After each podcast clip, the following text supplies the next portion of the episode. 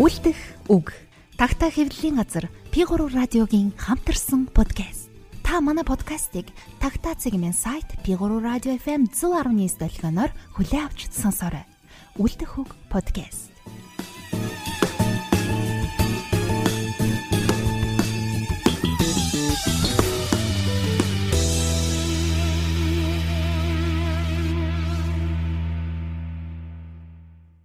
За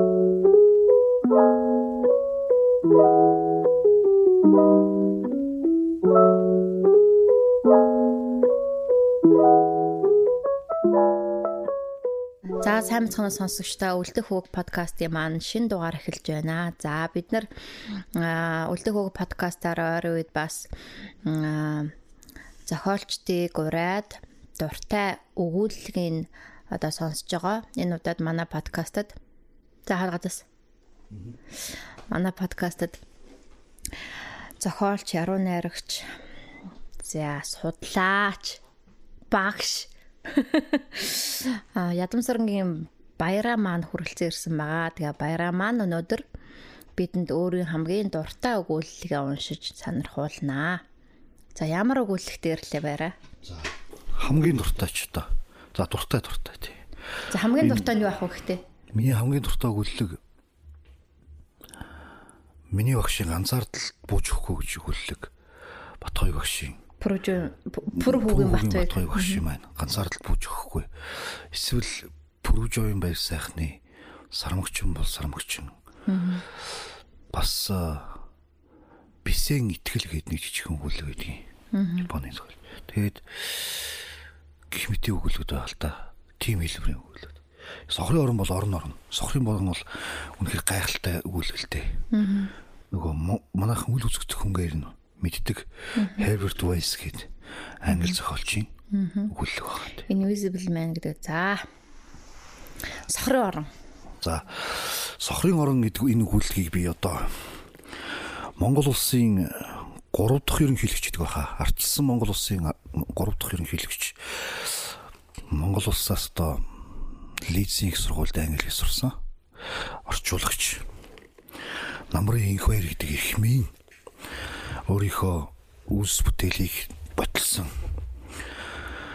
8 ботын дунд орсон тий 6 дугаар бот болох гүрний цаан англи үглийн төрөөс уншигч байна. Үүнийг бол 1980 90-ад оны үед анх хэвлэгдэхэд бол манай уран зохиолд маш их хувь нэмэр тий шууган тарьсан бүтээл болсон гэж шинэ өнгө өнцөг оруулж ирсэн гэж үздэг. Манай энэ хоёр дараах энэ хоёр ерөнхийлөгч юм байна. Манай нийгэмд оролцсон одоо чухал хувь нэмрүүд нэгэ гэж би бодд юм а тэгэхэд. Английн нэр зохиолч Herbert Weiss-ийн бүтээл Сохрын орон гэж өгүүлгийг уншиж өгье. Чимборазагаас гэвэл 300 гаруй бээр хол цаст Котопаксаас гэвэл 100 бээрийн зайтай Эквадорын Андын улсын хамгийн бөглөө хэсэгт хүний ертөнцөөс тасархай нэгэн үл тайлагдах онцгой бүхий тал нутаг байдаг юм. Энэ бол сохрын орон ажээ. Одоогоос олон жилийн өмнө тэр нутагт очие гэсэн хүн түүнийг хүрээлж байсан өндөр улсын нийл мөс чулуу бүхий бартаата замаар явж очих боломжтой байв. Тийм ч учраас Испанийн захирагчийн дарлал харгислал дур хүслээс зугтсан Перугийн нэг гэр бүл болох хідэн ирлиз явсаар энэ тал нутагт ирж суурьшжээ. Тэгтэл удлгүй аимшигт Миндомба хэмээх галтуул дэлбэрч бүтэн 17 хоногийн турш Квитод шүн болж Ягвачд хүртэл голын ус буцалж Гуяквилд хүртэл загсж жараахай цөм өгчээ. Номхон далайн дагуу эрэг уулсын цас хайлж гинт үер бууж байлаа. Хаврын саран хэлбэртэй хөгшин буурал Арвака уул дундуураа цуурна нэг хэсэг нь их биесээ салж тэнгэрт дуурч байгаа мэт сүртэйе таснас хийн нурж унаад сохорчуудын ертөнцийг орчлонгоос тасалж хүний хөл хөрхийн аргагүй бөглөө газар болгочихжээ. Гэвч эл нутагт аль дивэн гарт нүүж очиод суурьсан хүмүүсийн нэг нь газар дэлхий айхтар хөдлөх үеэр уулын наан байж байгаа санамсаргүй ам гарчээ. Ийхүү ихнэр хүүхэд найз нөхөд өмч хөрөнгнөөсөө салсан энэ хүн тэднийг мартахаас өөр аргагүй болж нам доор газар шин амьдралаа эхлэхэд хүрчээ. Тэр бэр хүнд өвчтөй хүн байлаа. удалгүй хараа муудаж нүдгүү болжээ. Эцэст нь уурхайд ажиллах ял шийтгүүлж тэндээ амьсгалгав. Харин түүний ярьсан зүйл нь яв явсаар домог болон хувирч өнөөдөр тэр домгийг Андын улсын кордильерийн нуруудын дагуу сонсож болно. Бүр жаахан хүүхэд байхдаа тэмээн гөрөөсний нуруунд дээр баахан хүн дачааны хамт ачигдан явж тэрхүү хүний хөл хүрээгүй газар очсноо мөн тэндээс яагаад явах болсноо тэр ярьжээ. Тэр хөндий уулд цэнгэг ус сургаг өвст бэлчээр зөөлөн уур амьсгал арааны шүс асгаруулan амттай жимст мод болон шимтэй хөрс бүхий ер нь хүний хүсэл мөрөөдөл болсон үнэхээр үсгэлэнтэй сайхан нутаг байлаа. Нэг талд нь тэнгэр баганд нь сүндрэлсэн сүрлэг улсын нарсан ойн хэдэн 10 жилийн турш хуримтлагдсан цас зузаан цас доош нуран унахаас хамгаалдаг байв. Нөгөө гурван талаас нь мөсөн малгай бүхий өндөр өндөр ногоон сарлөнгөтэй хатан хисаа хүрээлдэг ажээ. Харин авраг мөс үргэлж уулын цаад руу нуран унж доошоо бөмбөрдөг байсан бөгөөд хаяа ганц хоёр мөсний хилтерхий бүр наашаа нутгийн захад хүртэл ундаг байсан юм. Тэнд хизээч цас бороо ордоггүй боловч тоо томшгүй олон горих урсдаг тул шимтэй өтгөн өвстэй бэлчээр олон байсан юм. Тэнд ирж суурьсан хүмүүс шинэ нутагт орхноо идээшин дасжээ. Мал сүргэн мөн адил идээшин дасаж тарах хүч авч үржин төлжиж байлаа. Гэвч нэг л юм хүмүүсийн баяр баясгаланг гутаагаад байв маш ихээр гутааж байлаа. Нэг сонин өвчин тэднийг нэрвэж тэр нутагт ирсний дараа гарсан бүх хүүхэд сохор төрж зарим том хүүхэд хүртэл сохорчээ. Хүнийг сохор болгодог муухай өвчнийг эмчилж чадах им дом олохын тулд нөгөө хүн эцэж ядрахыг үл хайхран хүнд бартаатай аюултай замд гарч уул давн доошоо буусна нь тэр юмсанж. Тэр үед тиймэрхүү га тохиолдоход хүмүүс өвчин тараагч нингийн тухай бодлогүй харин ямар нэгэн нүүл үлдсэний хариу мөн хэмээн сандаг байлаа. Нөгөө хүн энэ муухай өвчин зовлонгийн учир шалтгаан нь ламгүй байсан хэсэг хүн сайхан нутагт хөл тавимгцаа юуны төрүн мөргөлийн газар засах ёстой байснаа тэгээгүүд оршин хэмээг дүгнжээ.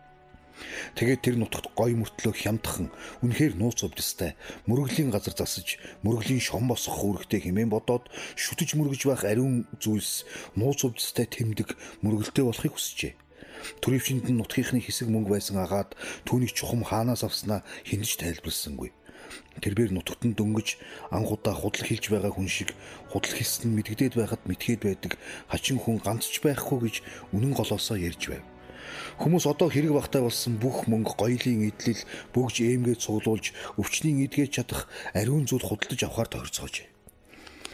Би мананд хальс татсан юм шиг нүдтэй, наранд бурлсан туранхай бийтэй, санаа сэтгэл нь уймсан намдор гозрын амьдралд огт тасаагүй ууланд амьдраад сурчсан тэр залуу ухаан алдаж татч унахаасаа өмнө энэ бүх түүхийг яриаг нь чих тавин анхааралтай сонсож байсан гялдсан хурцнуудтай ламд хэрхэн ярьж байсныг нь төсөөлөв санаа сэтгэлийг нь зовоосон өнөөх муу ёрын өвчнийг эмнэж чадах ариун нууц өвдөстэй зүйл олж аваад нуцгтаа буцах гэж явтал нь галуу юусэн мэд аимшигтай аюул болж зам нь хаагдахад юутай их гашуудж гунсныг нь төсөөлөхөд амархаа. Гэвч түүний золгүй явдлаар дүүрэн түүхийн бусад хэсгийг би сонсож чадаагүй юм. Харин хэдэн жилийн дараа яаж зовж өгснийг нь бол мэднэ. Алс холын нутгаас ирээд ингэж дуусах гэж тэ хөөрхий. Тэртээ олон жилийн өмнө уулын ам дагуу уруудан усдаг байсан горих нурж унсан хадны агуун амнаас сад тавин усдаг болж ил ядуухан түүх ам дамжин уссаар тэртээ хол нутагт амьдардаг сохор хүмүүсийн тухай домог болон хувирч түүнийг өнөөдөр хүртэл сонсож болно. Гэтэл хүний ертөнцөөс тасарч мартагдсан тал нутгийн цөөхөн оршин суугчдын дунд өнөө хөвчин улам их газар аван тархаж нэг хүнээс нөгөөд халдаж байлаа. Хөгсчүүлийнх нь нүдний хараа ирсмуудаад тэмтчин явдаг болж залуучууд нь юмыг маш бүдэг хардаг болсон агаад энэ нутагт нүүж ирснийхэн дараа мэдлсэн хүүхдүүд бүр юу ч үздэггүй байлаа. Гэвч сасан оргил уусаар хүрээлүүлсэн бүх ертөнцөөс тасархай тал нутагт өргөстэй мод бургас ургадаггүй, хортой ялаа шумул нисдэггүй, магчин амтэн үгүй байсан тул тэнд амьдрахад хялбархан байлаа. Тэнд галтуул дэлбэрхээс өмнө хүмүүс уулын амаар доошоо мушхран урсаж байсан горхины эрэг дагуу дээшээ матсаар гарч ирэхдээ хөтлж ирсэн тэмээн гөрөөс нь сайхан үржиж байлаа. Ил нутагт суурьсан хүмүүсийн хараа аажмаар муудаж байсан тул тэд юм үзэхээ болж байгаагаа анзаарах анзаарахгүй байжээ. Тэд хараагүй төрсэн хүүхдүүдийг хөтлөн дагуулж явсаар байгаад өөрсдөө шин нутагт шин нутгаа 10 хуруушгээ сайн мэддэг болж хамгийн сүүлчийн хараатай хүн хараагүй болоход огт юу ч болоогүй юм шиг урдын адил амьдрсаар байлаа.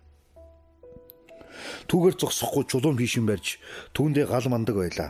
Тэд Испанийн соёлын дөнгөж зах зугаас нь хүртсэн бичиг өсөхгүй боловч Перугийн эртний урлаг болон түүний мартагдсан амьдралын ухааны зарим уламжлалыг хадгалж үлдсэн хүмүүс байлаа.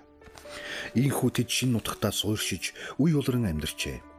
Ихийгч мартаж, ихийгч шинээр үсгэжээ. Цаг хугацаа улиран өнгөрөх тусам ирсэн ертөнцид нь тэдний санаанд домог олон үлджээ. Тэр хараагүй л болохоос биш чадaltaй. Ухаантай хүмүүс байлаа. Удалгүй тэдний дунд учирлаарч гэхүү учиртай ч гэхүү оюун ухаан саруул бөгөө цэцэн мэрэгэн үхтэй хүмүүсийг ятгаж ухуулахтаа сайн хүн төржээ. Төдөлгүй бас нэг тийм хүн мэндэлж тэр хоёр амьдарч байгаад нас өндөр болж ертөнцийн мөнх усыг үзүүлэхэд тэдний амьдрал сургаал сохорчуудын санаа сэтгэлд хоногшин үлджээ. Тэд өсөн мөржиж олуулаа болоод бие биенийгээ улам сайн ойлгодог болсон бөгөөд амьдралын юм уу эсвэл эдийн засгийн хүнд хэцүү асуудал тулгарвал цугаараа хамтран хилцсэний дараа шийддэг байлаа.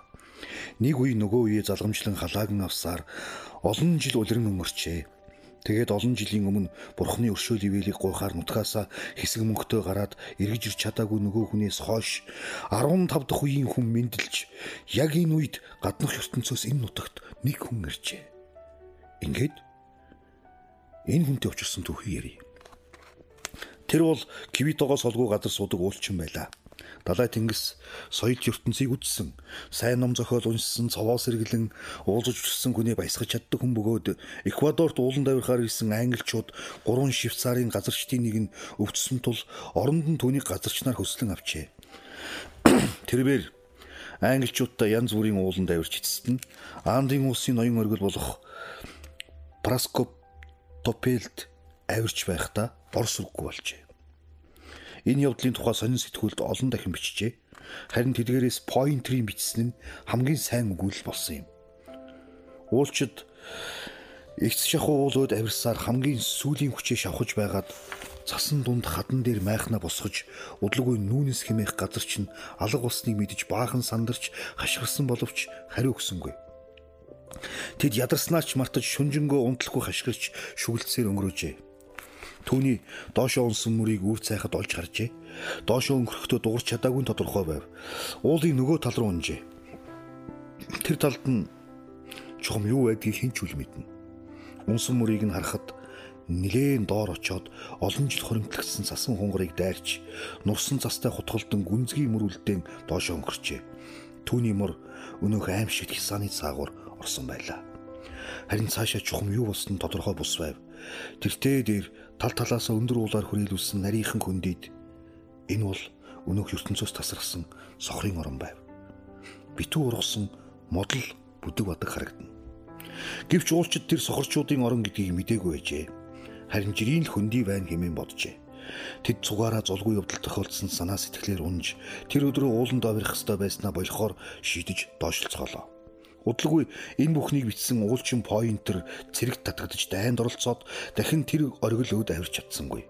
Өнөөдөр хүртэл параскопитл оргилд хүний хөл хүрээгүй бөгөөд поинтрийн цасан дунд орхисон эзгүй майхан салхинд дэрвсээр салбайн урагтахад хүрчээ. Харин өнөөх доош унсан хүн эсэн минь дүлджээ. Өндөр уулын цаад руу мянган тохоо хэртэй газар нисэж, түүжийнхээс ч их цуулын цасан ингэр дээр унж, цастай юутай хүүтэйгээ холилдон доош өнгөрчээ. Цастай хутгалд нь толгойн хаан, хөлн хаан байгаач мэдэхгүй өнгөрсөөр ухаан алдсан байлаа. Харин би энэ өчүүхэн ч гимтэж ганц ч яс хугарсангүй. Тэгээд эцэст нь уулын ингэр биш болоход тэр бэр өнгөрхөө болж амьд нь орсон цасандаа хүчигтэн нилээд удаан хөвтжээ. Гэвч тэр дорхноо жинхэнэ уулчин хүний сэргэлэн ухаан гаргаж ямар байдалд ороод байгаагаа ойлгожээ. Тэгээд үе үе амарч амарч хучсан сасыг дороос нь малтсаар дээш гарч тэнгэрт одод төгсөн байхыг харжээ. Чухам хаана байгаагаа юу болсныг эргцүүлэн бодож доошоо харан амарч хөвдөв. Гар хөлөө үзүүл гимтэж бэртээгүй байсан бөгөөд гагцгүй хувцсныхан хитэн товч тасарч гадуур хувцсан толгоодыг өрөнд авчээ. Халаасанд нь байсан хутга гээгдэж хэдийгээр уяаг нь ирүүн дороо чанга уйсан боловч малгай нь алга болжээ. Тэрвэр майхнаа босгох гэж чулуу хайж байгаад унснаас санав. Уулчны сүхэн бас алга болжээ. Би лав өндөр уулнаас унж доошоо өнгөрсөн гарцаагүй хэмээн бодож дээшээ харвал дөнгөж гарч байгаа сарны гэрэлд тэр уул улам сүртэй, улам өндөр харагдах тул ямар аимшигтай өндөр дээрээс нисэвэ хэмээн нэг хайж, нэг гайхаж байв. Жаал хөвтөж байхдаа харанхуй болох тусам улам өндөр, улам сүр бараатай мэд харагдах аврах том хадан зохио руу харав. Хадан зохио аимшигтай бөгөөд үл ойлгогдсон сүрж аваханд нь сүрдэж нэг хэсэгтээ уйлах нөхийг хослуулав. Ийхүү нэлээд хугацаа өнгөрсний дараа цас дуулын бэлт хөвтөж байгаагаа ухаарав. Цааш нь бүр доошоо харвал хадан дунд хөрс харагдав. Хамаг биеийн хөндөрлөж хоёр хөл дээр арайхийн босоод машид болгоомжтой аажуухан уруудсаар эцэст нь өнөө хөрсөн дээр хөл тавьсны дараа аврах том чулууны дэргэд унаадаг. Ингрийн халаасандаа байсан дашингаа гаргаж нэг сайн балгаж аваад тэр дорхноо нам унтжээ. Тэртээ доорх модон дотор жиргэх шуудын дуу түүнийг сэрэв. Хэвтэж байсан газараа өндийд суугаад дээш харвал өнөх ниссэн хадан хисаад иргэдэн тэнгэр багандан сүндэрлэж байлаа. Тэрвэр цастай хутгалдан өнхөрч ил хясаа намхан уул хоёрын хоорондох жалган дэрж тогтсноо ухаар. Нөгөө талд өөр хадан хан тэнгэрөө тэмүүлэн сүндэрлэнэ. Хоёр хамны хоорондох энэ хавцал зүүн баруун тишээ үргэлжлэх бөгөөд одоо өглөөний нар тэр хавцлыг зүүн талаас нь нэлтэн гэрэлтүүлж байв. Хавцлыг дагуулan баруун тишээ харуул нөгөө тал галтуул дэлбэрэхэд хугарч унаад энэ намыг хаасан уулын орой харагдана. Гэвч одоо өөрийнх нь байгаа жалганы цасны цаана нэг нь нүх байхыг олж харав. Тэр нүхээр цас хайлан өсөж байв. Өөр аргагүй болсон тул нэг нүт тэр нүхээр орохоор шийдэв. Сансныг бодвол харин ч цаана намархан гарч өөр нэг намхан нуруу харагдлаа. Дараа нь бяцхан хадан дээр гарч харвал эгц шахан муулын ингэр дээр ургасан ойн захад хүрснээ мэдв. Үүрч явсан юма газар тавиад бууж ирсэн амныхаа их өөдөө харлаа. Тэр амын ихэнд ногоон мог, бэлчээр бүхий тал нутаг, мөн сонин хачин хийцтэй чулуун байшингууд харагдаж байв. Тэрбэр их цаан өөд матчпуу мэт удаан уруудж байсан бөгөөд удалгүй нарч гисэн ил аман тусгай болж шуун жиргэн намдаад хүйтэн бүрэнхий боллоо. Харин тэртээ холын талд байгаа байшингууд нарны гэрэлд улам тод харагдах болов. Удалгүй арай намдууныг уулан дээр бууж ирээд угийн гэрхай хүн байсан учраас хатан дунд дээшээ сарвайсан гарлуугай адил ургамал ургасныг харав. Тэр ургамлын навчийг зажилж голыг нь мэрж өлөө дарав. Үд дундын үед өнөө хамаараа урууцсаар нарны гэрэлд гарч тэгш талд хөл тавилаа. Туйлын их ядарснаас аял ухаарав. Хадны сүудэрт сууж булгийн ус сутгаж саваад үргэж аваад тэр дорн хит хит ховдоглон балгаж дуусгүй. Тэдгээд тэгээд ойрхон харагдаж байсан байшингууд руу зүгэлхээсээ өмнө амарч суулаа. Байшингууд их л сонин харагдаж байсан бөгөөд түүгээр зогсохгүй бүхэл тал тэр чигээрээ сонин хачин санагдаж байсан тул өөрийн ирэхгүй түүний сэжиг төрөв. Ил талын ихэнх нь өтгөн ногоон өвстэй нуг бэлчээр байсан бөгөөд ер нь өнгө өнгийн цэцэг ногоод илгэрч ус арчилгаан таарч янз таарч янз бүрийн тариа будаа нимбан аргагүй тарьсан нутаг байлаа. Тал нутгийг хүрээсэн өндөр ус хан болон сүндэрлэх бөгөөд ил нутгийн цангааг тайлдаг ус хаданд буй олон хоолооноос гарч доошоо урсаж уулын ингэр даган тарган тэмээн гөрөөсийн сүрэг амгалан тайван бэлчиж аваа. Тэнд Энд тэнд их цуулсын бэлд тэмээн гөрөөсийн хашаагаараа харагдана. Усжуулахаар татсан олон горих нэгэн нэгэндээ цутгаж нэг суугаар тал нутгийн яг голоор нь усаж нөгөө талд сүндэрлэн харагдаж байсан хадан хан хүрхэжээ. Ил сууг ертөнцөөс таслагдсан энэ тал нутгийн цорын ганц хотын шинжээжээ. Мөн маш нэм бай. Ягаад ч юм бэ зөвхөн нэг талд нь хашлах хийж цагаан хар чулуугаар тавьсан замуудыг харвал бүрч хоттой адил юм шиг санагдана. Голын байшингууд өрдөөмн үтсэн уулын тосготын эмх замраагүй барьсан байшингуудаас огт өөр харагдаж гайхмаар цэвэрхэн голын гудамжны хоёр талаар тэгш эгнээ үсгэн ярай. Байшин цугаараа нүүрэн талдаа эн тэн төрсөн будагтай бөгөөд мөн нүүрэн талдаа хаалгатай ажээ. Харин цонхтой байшин нэг ч харагдахгүй байлаа. Байшин цугаараа хагас дутуу будагтай зарим нь саарл, зарим нь хүрэн, зарим нь тим хэмээн тодорхойлж хэлхийн аргагүй бараан өнгийн том том толовтой ажээ. Тим хачин бутсан байшинг анх харсан хүний толгойд юун түрүүн сохор гэсэн үг орж ирнэ. Энэ байшингуудыг бутсан хүн лав сарсан багваа шиг багваахай шиг сохор хүн байснаас зайлахгүй гэж нүнэс бодлоо. Их зуулын ингэрээр доош уруудаж Эл тал нутгийг хоёр хэсэгт хуваасан сувгийн тулж очсон өнөөх хадан ханны дэргэд ирлээ. Сувгаар усан ирэх ус тэр хадыг мөргөж олон салаа хүрхрээ болон доош шууган бүүхажээ. Тосхноос нилээд хол нугад эрэгтэй эмэгтэй хүмүүс хадсан өвсний бухал дээр амран сууж байв. Тосхны ойролцоо хүүхдүүд дээшээ харан хөвтөж байлаа. Бүр ойрхон хос шар тэргэнд хөллөж, устай модон сав гурвыг ачиж ханан хадан ханнаас тосхны байшин хүртэл тавьсан нарийнхан замаар гурван хүн явж байлаа. Тэр гурван хүн тэмээн гөрөөсний арьсан гутал өмсөж, арьсан бүс бүсэлж, толгоо дээрээ артай хоёр чихтэй малгай тавьсан байлаа. Тэр гурав шил шилээ харан удаан алхаж байснаас гадна шүнжөөгн унтаагүй мэт байн байн ившээ. Их л намтаа явцгаахт бол хүндэтгэл төрүүлэх бөгөөд нүнс жаахан эргэлцснээ хадны цаанаас гараад чан хашрхвал дуун талаар нэг зураадлаа. Гурван хүн гайхсан янзтай зогсож толгоогоо ийш тийш эргүүлэх нь эргэн тойрноо харж буй бололтой. Тэд нэг тийшээ нэг ийшээ хараад байхад нь нүнс гараад аллав. Гэвч яаж далсан тэд түүнийг олж харсангүй шинж харсан шинжгүй бөгөөд ил итгэхэтүүд нь асц сүндэрлэх уулсын зүг харж хариу хашгирав.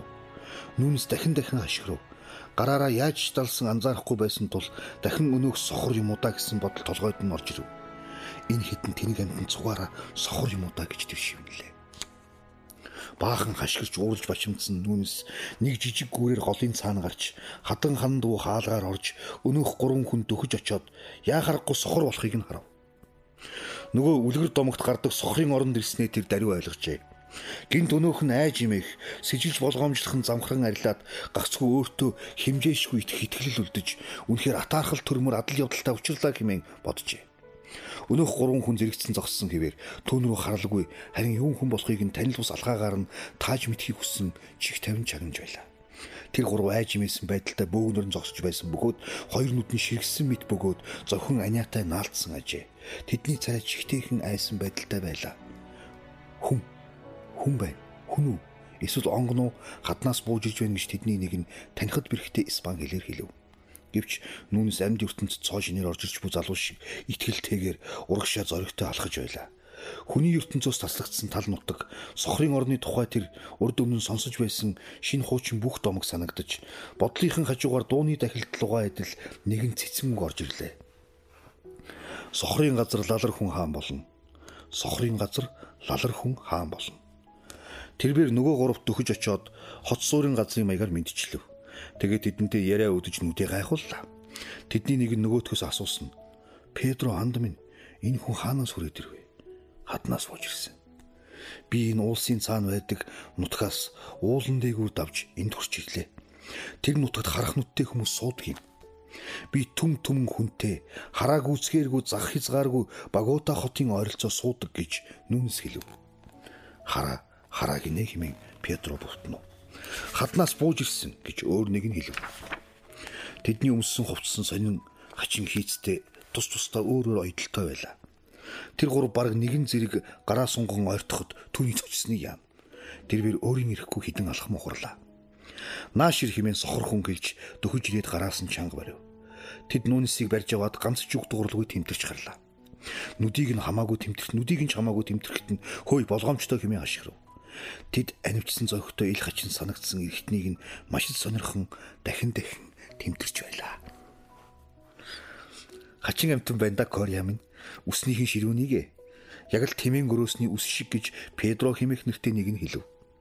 Тэр бууж ирсэн хаттайгаа адил ширүүн биетэй юмгиж Корея нүнисийн хусаагүй сахалтай эрг зөөлөн үл мэдэг нойтон гараараа тэмтэж үзснээ хэлээд яах вэ?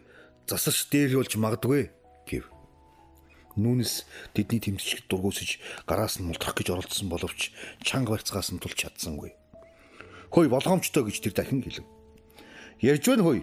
Хүн ч хүн юм а гэж гуравдах нь хэлв. Хөөх гэж Педро хувцсныхын ширүүнийг гайхан дуугалдаад ингэж хүний ертөнцид ирж байгаа юм биз дээ гэж асуув. Харин хүний ертөнцөөсөө гарч уул хад цас мүсийг гатлан нар дэлхий хоёрын хоорондох замын голд нь хүрдэг өндөр уулыг давж далайн эргээс 12 хоног явж очдог авгаа ертөнцтөө уулын цаана орхиод эндэрлээ гэж нүнэс хэлв. Тэд үгийг нь анхаарч буй шин жалгаа. Бидний өвөг эцэг хүн бол байгалийн хүчээр бүтдэг ус чийг бүлээн юм хоёр нийлж ялзархад хүн бүтдэг гэж хэлсэн юм хэмээн Корея ярьлаа. Үүнийг ахмадууд даваач гэж Педро хэлсэнд эхлээд хашгирах дуу өгөхгүй бол хүүхдүүд айн шүү. Ийм сонин хачийн болох гэж хэмээн Кориа хэлв. Тэгээд хашгирцгааж Педро урд нь орж нүнсийг хөтлөн өнөх байшингийн зүг авч яв. Гэвч нүнс гараа угс татан авч би өөрөө замаа харж байна гэлээ.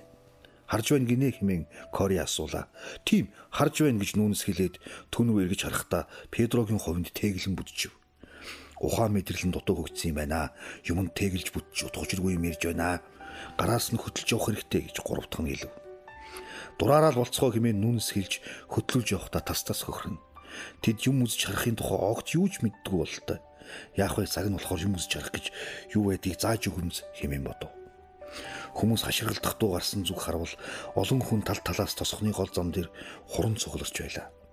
Тэрээр сохрын орны хүмүүстэй анх удаа нүр учраад ил учрал бол урд бодж байснаас илүү төвчээрийг нь шалгасан хэцүү хүн сорилт болохыг ойлгожээ. Ойртож очиод харвал байшин барилга нь нилээд том будах шунхан бүр хачин санагдана. Эрэгтэй эмэгтэй хүмүүс хүүхэд шуухад бүгдээрээ түүнийг тойрон шавж, нэг үнэрлж, мэдрэмтгий зөөлөн гараараа тэмтэрч, хэл хүүхбүрийг нь тун анхааралтай сонсгожээ. Зарим ихнэр охид ширгсэн нүттэй ч гэсэн царай зүс сайтайг нь хараад манай хүн дотроо баярлж байлаа. Гэвч зарим хүүхдүүд түүнээс айж имээс янзтай холхон зогсон. Үнэхээр тэр намуухан дуу хоолойтой хүмүүсийн дэргэд түүний дуу хоолой бүдүүн сөнгөд санагдана. Хүмүүс тал талаас нь шавжээ. Гурван хамгаалагч нь түүнийг хамгаалж юу бололтой улам ойрт зогсоод энэ бол хаднаас бууж ирсэн зэрлэг хүн гэж дахин дахин хэлгээжээ. Харин нүүнс би Боготагаас ирсэн. Богота уул давж ирлээ гэж хэл. Зэрлэг хүн зэрлэг үг хэлж байна. Та нар Богота гэж юу н сонссон уу? Энэ зэрлэг хүний ухаан санаа бүрэн гүйцэд бүрлдэж тогтоогүй байна. Дөнгөж саяхан хэлд орсон байх гэж Педро хэлв. Нэг жаахан хөвгөн гарыг нь чимхэд Боготагийн шүү хэмээн дооглов. Йоо ёо танаа муу тосхны дэгэж ёстой хоттой хараатай хүмүүс суудаг агуу ертөнцөөс би ирсэн. Богота гэж өөрийнх нь нэр юм байна гэж хүмүүс хэлв. Нааша ирж явахдаа бүдэрсэн шүү. Хоёр ч удаа бүдэрсэн гэж Кория хэлв. Ахмадууд дээр аваач. Тэгсний түүний гинт түлхэж нүгших харанхуй өрөөнд оруулав. Өрөөний нэг буланд бяцхан төвдөг асаж байла. Хүмүүс бөөнөрөө дагаж орж ирээд ардан зогсож хамаг гэрэл халахлав. Нүүнсийн нүд харанхуй дасчамжаагүй тул тэнд сууж байсан нэг хүний хөл тэглэн төрүүлгийг харж унав. Ойчхдоо гараа даллаж нэг хүний нүүрэн дундуур буулгаад авчээ. Нэг хүн ууртайгаар хашгирч хэд хэдэн хүн гараас сарвайлгаж түүнийг барьж авах гэхэд нь эсэргүүц нь нотлцсон боловч аргагүй олны хүчин дийлдэн номхоров. Юмд бүдэрчлээ. Би ийм ёрын харанхууд юу ч харахгүй байна гэж хэлв. Тэр өрөөнд байсан үдүжигдэх хүмүүс саяхан хэлсэн үгийг нь ойлгоогүй мэт хэсэг зурч чимээгүй сув. Тэгтэл Корея дөнгөж сая хүн болоод байгаа нэ. Явхдаа бүдэрч ярихдаа ямар ч утгагүй үг хэрэглэх юм гэжээ. Буссан ч хэдэн үг нэмэлсэн боловч нүнес сайн сонссонгүй буюу бүрэн ойлгосонгүй. Намайг тавиач би зүгээр номхон сууя гэж хэсэг дуугүй байснаа хэлв. Тэд хоорондоо зөвлөснөө түүнийг тавьжээ. Дуугийн сонсвол нэг хижээлдүү насны хүн түүнээс элдвээ юм асууж гарав.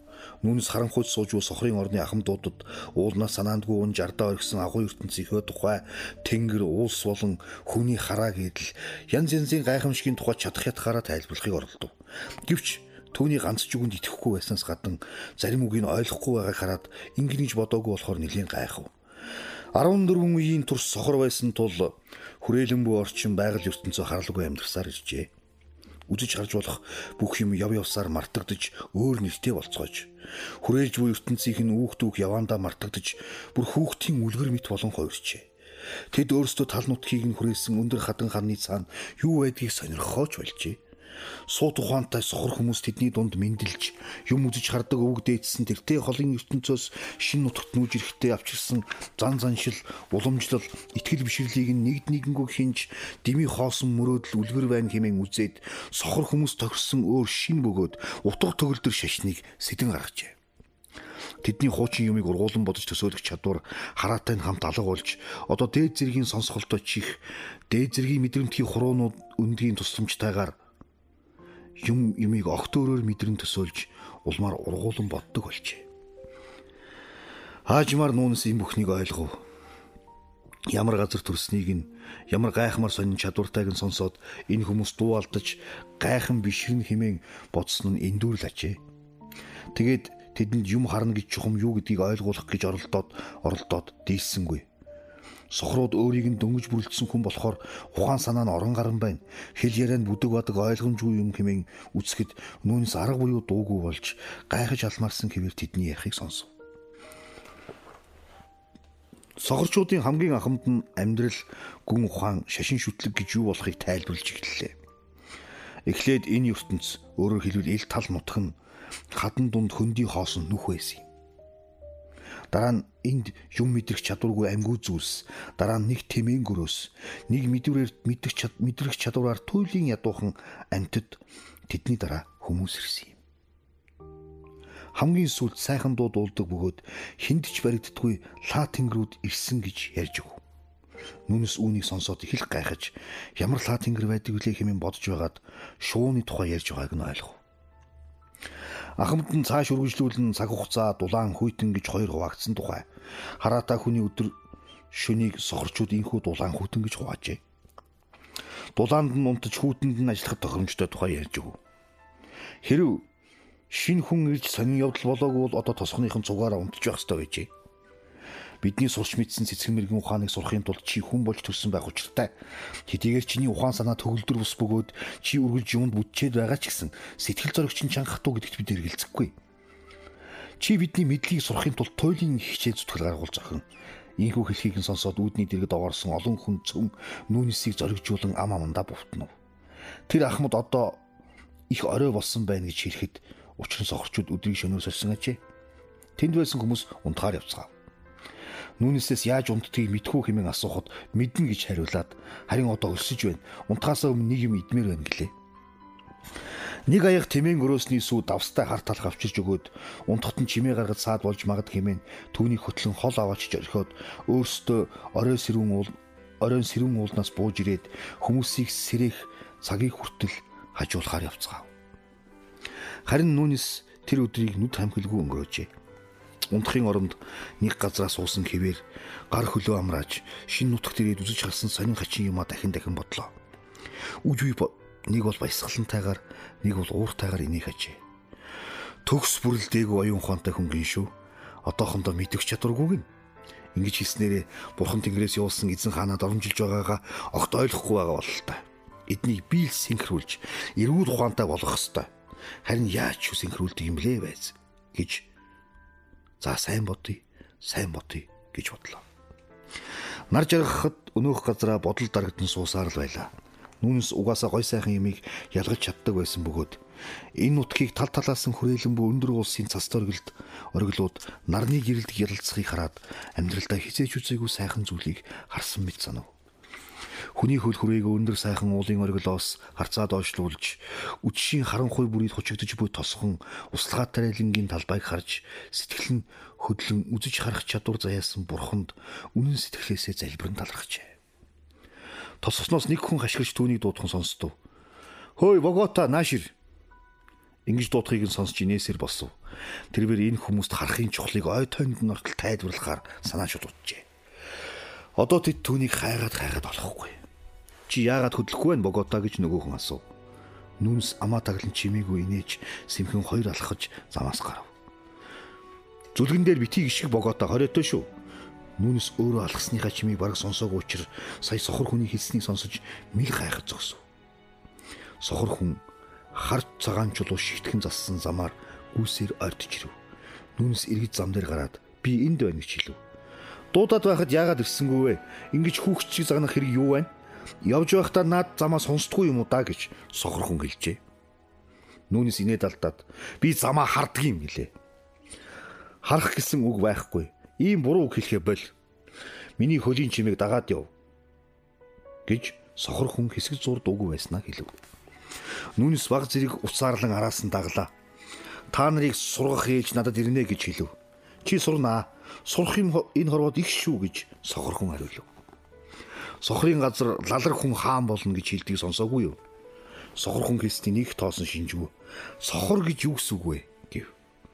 Ийхүү бүтэн дөрвөн өдөр өнгөрөв. Тав дахь өдөр боллоо. Захирагдах ёстой хүмүүс өөрийг нь явж хөдлөختөө болох юу нарчаа муутай ир хэмээн үзэж байсан тул өнөө хаан болох сэтгэл санаа нь хал хаан болох гэсэн санаа бүтэхгүй л байлаа. Бие хаан өргөмжлөх нь санснаас туйлын хэцүү хэрэг байсныг мэдэж энд яаж төрийн эргэлт гарах вэ хэмээн бодох зуура сэжиг ахуулахгүй тул сохрын орны зан заншлыг заалган судалж байлаа. Шүн ажиллаж, шөнө явна гэдэг туйлын зохимж муутай ядаргаатай явдал мэт санагдсан тул хэрв хаан болвол юуны төрөнд ил заншлыг өөрчлөх юм шүү гэж бодов. Эндхийн хүмүүс эгэл жирийн хөдөлмөрч зон олон байлаа. Тэдний амьдрал нь ч мөн адил тиймэрхүү байсан бөгөөд өөрсдийгөө үнэхээр аз жаргалтай нэр төртөө аж төрж байна хэмээн бодож байв. Тэд ажиллах цагтаан ажиллаж дарлал хүнчлэгийг мэдэхгүй ажээ. Өөрсдийнх нь хэрэгцээг хангахуйц хувцс хунар, хоол хүнстэй, амрах цагтаа амарчдаг дуу хөгжимтэй хүмүүс байсан бөгөөд хайр дурлал хэмээхийг мэддэг тул хөөрхөн жаахан хүүхдүүдтэй ажээ. Тэр эмх замраатай ертөнцийн явхдаа төөрнө гэж үгүй бөгөөд Түүнийг нь харсан хүн үнэхээр гайхах асур харахгүй. Бүх химийг өөрсдийнхөө үүрмэц хэрэгцээнд зориулан тохируулжээ. Салаа замууд нь хаа нэгтэйгээ яг ижил өнгөөр нийлс салах бөгөөд замын хажууд уулзуур болгон дээр сийсэн чулуун тэмдэгтэй байв. Зам бэлчээрийг сайтар цэвэрлэж чулуу нүх дов тааралдахгүй тул хинч үл бүдэрнэ. Эндхийн хүмүүсийн ажиллах арга арга явах хөдлөх нь бүр хэрэгцээнээс нь урган гарчээ. Юм мэдрэх чадвар нь гайхамшигтай бөгөөд бүр алс холоос түүний хөдөлгөөн бүрийг сонсож алдахгүй хэлж чаддгаар үл барам хүний зүрхний цохилтыг хүртэл сонсно. Хүний нүүрний хувирлыг ярианых нь өнгөөр өнгө аясаар мэддгээс гадна хүний хөдөлгөөнийг тэмтэрч хилж сурсан байлаа. Тариалангийн талбай цэцэрлэгт ажиллахдаа хурц сэрээгээ туйлын чадамга чөлөөтэй эзэмшгэж Үнэрлэх чадвар нь үнэхээр гайхамшигтай хөгжижээ. Янз бүрийн үнэрийг нохойноос доргүй ялгана. Хатан дамдирч харин идэж уух гэж эсвэл сарвчанд торгодох үедээ доошоо бууж ирдэг тэмээн гөрөөснүүдээ сайн маллна. Энэ бүхнийг харж байсан нүнс эцэстээ энэ хүмүүс юутай амар хэлбэр итгэлтэй хөдөлнө вэ хэмээн боджээ. Тэрээр тэд нарыг ятгах гэж хэд хэдэн удаа оролдоод бүтэхгүй болохоор нь уур омгон оролцож бослог гаргажээ. Эхлээд боломжтой гарвал харааны тухай тайлбарлахыг оролддог байлаа. Хүмүүсээ та нар наашаа харцгаа та нарын ойлгохгүй хачин ичшид надад бий гэж хэлв. Тэдний нэг хоёр нь ганц хоёр удаа төгний юу гэж хэлхийг сонсох гэж иржээ. Нүрээ буруул чих тавин сонсож байсан бөгөөд нүнс ч гэсэн харах гэж чухам юу болохыг чадлаараа л тайлбарлжээ. Тэдний дунд нэг охин байсан бөгөөд түүний зөх бусдынхыг бодвол улаан баг төдийлөх хонхор бус учраас ичингүрч харцаа доош буулгасан бүсгүй байна гэж бодохоор билээ нүнс тэр хүүхнийг ятхан түүнд л харахын гайхамшиг ойлгуулчих юмсан хэмээн хичээх ажээ. Уус тэнгэр нар мандахыг харахад юутай сайхан бэ хэмээн ярвч тэд эхлээ зөвхөн үл итгэж байснаа сүулдээ бүр доогдох янзтай болж ирв. Тэд харин үнэн хэрэг дээрээ уул гэж юм байхгүй. Тэмээн гөрөөсний бичлэг хад асхвал ертөнцийн ертөнцийн эцэс мөн. Тэр хаднаас ертөнцийн дээвэр эхэлдэг. Дээвэр дээрээс шүүдэр бууж цас ундаг гэцгээв ертөнц бол эцэстөсгөлгүй дээвэргүй гэж нүнс байн байн хэлэхэд тэд чиний бодол санаанд чөтгөр шүглжээ хэмээн зэмлэнэ. Тэнгэр уул од гэж юу болохыг тайлбарлахад тэр бүхэн тэдэнд аимшигтай муухай хоосон хөндөй орон зай мэт санагдаж өөрсдийнхэн дээр гайхамшигтай зөөлөн дээвэр буй гэдэгт улам гүн гүнзгий итгэдэг болж дээврийн оронд хоосон тэнгэр буй гэж төсөөлөхөд нэлээд эвгүй санагдж байсан тул итгэхийг үл хүсэж бүр эсэргүүцэх ажээ. Ингиж тайлбарлах гээд айлгчлаа гэдгийг ойлгомжт нүүнс тэгж ялгахаа орхиж тэдэнд хараатай байхын ашиг бодтойгоор ойлгуулахар шийдэв. Нэг өглөө Педро 17 дугаар замаар цоцхны төвдүү байшингуудыг чиглэн алхаж буй хараад түүний хөлийн чимээг сонсдох биений үнэр нь хангалахад арай хол байгааг ашиглан сохорчуудад хандаж Удлгүй Педро энд ирнэ гэж хэлв. Нэг хөгшин хүн Педро 17 дугаар замаар явах ёсгүй. Тэгж явах ямар ч ажил хэрэг байхгүй хэмээжээ. Тэгтэл өвгний хийснийг батлах гэсэн юм шиг Педро 10 дугаар зам руу эргэж түргэн түргэн алхасаар цаашаа яваад өглөө. Педро ирээгүй болохоор хүмүүс нүнэсийг дооглжээ. Дараа нь нүнэс үнэн хэлсэн гэдгээ Педрогоор батлуулах санаатай асуухад цаатхан тас мэлзэж харин нь түнд илт дайсагдаг болжээ. Дараа нэг шудраг хүнтэй цуг уулын ингэрийн нугад очиж тэндээ сууж байгаад тосгон чухам юу юу болж байгааг тэр хүнд нэг нэгэнгүү тодорхой хэлж өгөөв. Тэгээд ууланд гарч байшингаас хүмүүс орж гарч байгааг харж хэлсэн боловч сохорчууд байшин дотор юм уу эсвэл цонхны цонхгүй байшингийн ханны цаана юу болж буйг илүү чухал хэмээн үзэж харсан эсхийг нь асууж шалгаахад хариуд нь тодорхой юм хэлж чадсангүй. Ийхүү энэ орлого нурж сохорчууд түүнийг дооглон доромжлоход төвчлэхүү хүч хөргөлөхөр шийджээ. Эхлээд хүр заваад ганц хоёр хүний газар унтлан цохиж тинхүү шударгаар тулдсны эцэст нүттэй байхын ашиг ойлгуулыг шийджээ. Тэгээд нэг хүр золж авснаа өөрийнхөө тухай Тэгээд нэг хүл хурж олж авснаа өөрийнхөө тухай нэг шин юм мэдсэн нь юу вэ гэвэл яагаад сохор хүнд гар хүрч чадахгүйг ойлгожээ. Ингээд баахан тээнгэлзэн зогсох зураа сохор хүмүүс хурц шүүрч авсныг нь ойлгож яахыг нь хүлээн цугаараа толгоогоо нэг тийш хазайлган бэлэн байдал зогсож байгааг харав. Наад хүрзээ хаяа гэж нэг илүү. Тэгэхэд нүүнс арчаагүй айдас тавтан тэдний хэлсэн болгоныг дуулууртаа биелүүлэхээс өөр аргахгүйгээ мэдрэв. Тэгснээр нэг хүнийг байшингийн хан руу түлхээд зайгаар нь шуртхийн гарч тосгоноос гадагшгүйлээ. Тэрээр алсын нэг тарайн талбайг чиглэн зүлгэн дээгүүр мөрвөлдөөн гүйж удалгүй нэг замын дэргэд очив. Аливаа тэмцэл тулдааны өмнө ирэх хүн болгон мэдэрдэг хүч тэнхийн цээжинд нь ориглон буцалж зүрх сэтгэлд нь хөөрчээ. Гэвч түүнээс илүү гайхшилт авцсан байлаа. Тэр бэр оюун ухааны хөгжлийн хувьд огтөөр төвшөнд байгаа хүмүүстэй яагаад ч шударгаар тулдаж болохгүйг ойлгов. Тэртээ холоос олон хүн цугаараа хурц мод бариад олон замаар тарж түүнийг чиглэн айсууг харлаа. Тэд ихээхэн болгоомжлон аажмаар урагшилж байсан бөгөөд хоорондоо үе үе түргэн түргэн ярьж тэгснээ гинт нэг зэрэг зог тусан зогсоод чимээ чагнан агаар шиншин үнэрлэж байв. Тэднийг эхний удаа тэгэхэд нь нүнс инээд алдав. Гэвч дараа нь хэрэг явдал өөрөөр эргэж инээхтэй мантай боллоо шүү. Нэг нь түүний өвсөн дээр үлдээсэн мөрийг олж түүнийг нь барин улам ойртлоо. Тэдний улам ойртохыг 5 минут гэртээ харан сууж байснаа гинт үзэлцэхээр шийдэв. Удалгүй босож хадан ханыг чиглэн хэд алхаснаа эргэж алхав. Сохорчууд түүний хөдлөхийг чагнаж хагас үслэн зогсож байлаа. Нүнс ч гэсэн хоёр гараараа хүрзээ чанга атхан байрандаа хөдөлгөө зогсож байв. Тэднийг буруутгах эрх өөрт нь би юугүй юу? Нүнс ч зүрхэн лугшин цохилж чихэнд нь сохрын оронд лалрын хүн хаан болно хэмээн шивнэж буй мэт санагд. Тэднийг буруутгах эрх бий юу? Үгүй юу? Богота, Богота чи хаан байна гэж нэгэн дуудав. Нүүнес хүрзээ улам чанга атгаж талбайгаас бууж тосхоныг чиглэн уруудав. Хөлийн чимээгээр нь сохорчууд нэгэн зэрэг өөдөөс нь эргэлээ. Надад гар хүрхэл юм бол би эднийг ална. Бурхан тэнгэрээр тангархлаа. Би энэ хүрзээрээ цохиод авна гэж тэр амандаа занав. Тэгээд чанга дуугаар Альвэ та нар наашаа харцгаа. Энэ тал нутагт би юу дуртайгаа хийж байна? Дуулж байна уу та нар? Хийгснээ хийж очие гэсэн газар очиж байна гэж хэллээ. Тэд түүнийг бүслэж их л түргэн шалангаа хөдөлж байв. Энэ нь нуугдж тоглохыг санагдуулж байсан бөгөөд хэрв тэр тоглоомонд нэг нь нүдэ боож бусд нь нуугддаг бол энд нэгээс бусд нь нүдэ боосон байлаа. Тэдний нэг нь наатаха бариад дааг шашгирв. Гинт баг бүслэгдсэний ойлгож түргэн шалангаа шийдвэртэй хөдлөхгүй бол горигон гэдгээ мэдв. Тэрээр дээд зэргийн шийдэмгий дуу хоолой гаргахыг хичээж та нар юу ч ойлгохгүй байна. Та нар сохор харин би бол хараатай хүн. Намайг орлолгүй орхих гэж хашгирсан боловч хоолойд нь юм торж тасалчихв. Богота наад хүрзээ хаяа зүлгэн дээрээс гар хотод байхдаа олон олон сонсож байсан энэ тушаал түүний уур омгийг улам их хүргэв. Уур уцаарандаа бахардах шахан хэлсэн нь Хогчин шүү. Би нэрээ сохин шүү. Тэнгэр бурхны нэрийг барьж гуй. Намайг битгий оролт. Тэгснээ димил нааш цаашгүй. Сохор хүнийг сохин гэдэг үнэхээр байж боломгүй муухай санагдах тул сохор хүн ойртож ирмэгц түүнээс зайлан зүхтэж байв. Тэгээд дороо хэсэг зур зогссноо тэдний зайгаар гарч зүхтахыг завдан ухсгийв. Гэвч хөлийнхэн чимээг сонссон сохрууд игнэгээ хомж өнөөхт зай зай үгүй болоод одоо юу юугүй баригдах болсноо мэдмэгцээ хүрзээ далааж таарлсан хүн дээр буулгаад ав. Гарн таарсан бололтой нэг юм нэг зөөлөн юм цогсноо мэдэрч сохор хүнч тэр дороо өвдсөндөө yoолон газар унахад гарсан цайгаар нь шурган гарч зүхтв. Гардаг байжээ. Одоо дахин энэ тосхны байшингуудын дэргэд очисон бөгөөд сохор хүмүүс хурц модоо даллан нааш цааш гүйлдэнэ. Ард нь хөлийн чимээ гарахыг сонсоод эргэж харвал нэг өндөр хүн өөрийг нь чиглэн хараалгаж байлаа. Одоо нэгэнд бие барь чадхаа болсон тул хүрзээ өөдөөс нь чулуучгаад зүхтаж замд нь өөрний хүн таралтад хажуугаар нь бултан гарахтаа санаандгүй дуу алдав. Одоо нүүнээс учиргүй сандарч наас цаас үсчиж дэрэгд нь хинч байхгүй байхад юу юугүй баригдах гэж бүмэт зайлан бултаж доошооч харах сэхээгүй мууранд хөөгдсөн хулхан мэт нүдэ бүтэлцүүлэн гөлөлцөж хид хідэн удаа бүдчихв. Тэгснээ бүр унаад өгөв.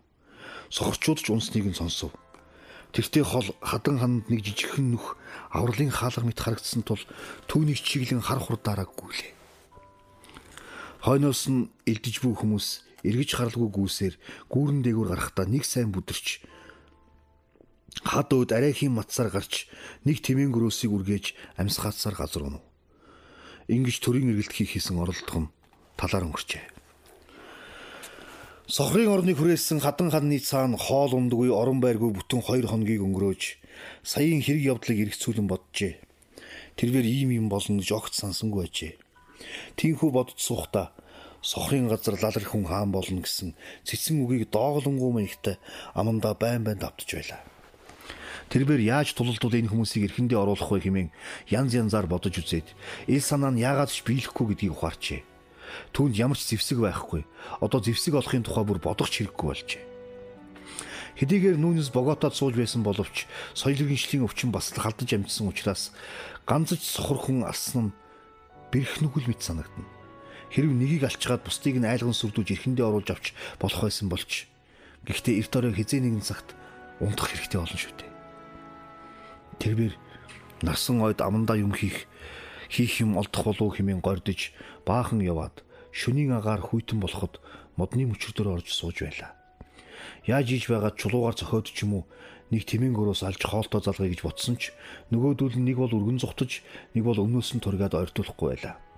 Хоёр дахь өдөр болоход өөрийн ирэхгүй айнчжирч байлаа. Айнчжирч эхлэв. Тэгээд эцэст нь доошоо мөлхөн бууж сохрын оронд бусч очоод хилцээр хийх гэж оролдов. Уулын голын эрг даган уруудаж хүү хай хэмээн хашгирахад хаалганы цаанаас хоёр хүн гарч иржээ. Би нэр нь солиотой байжээ. Гэхдээ би дөнгөж саяхан төрсөн тул аргагүй шүү дээ гэж нүүнэс хэлв. Хариуд нь тэд зүйтэй гэж хэлв.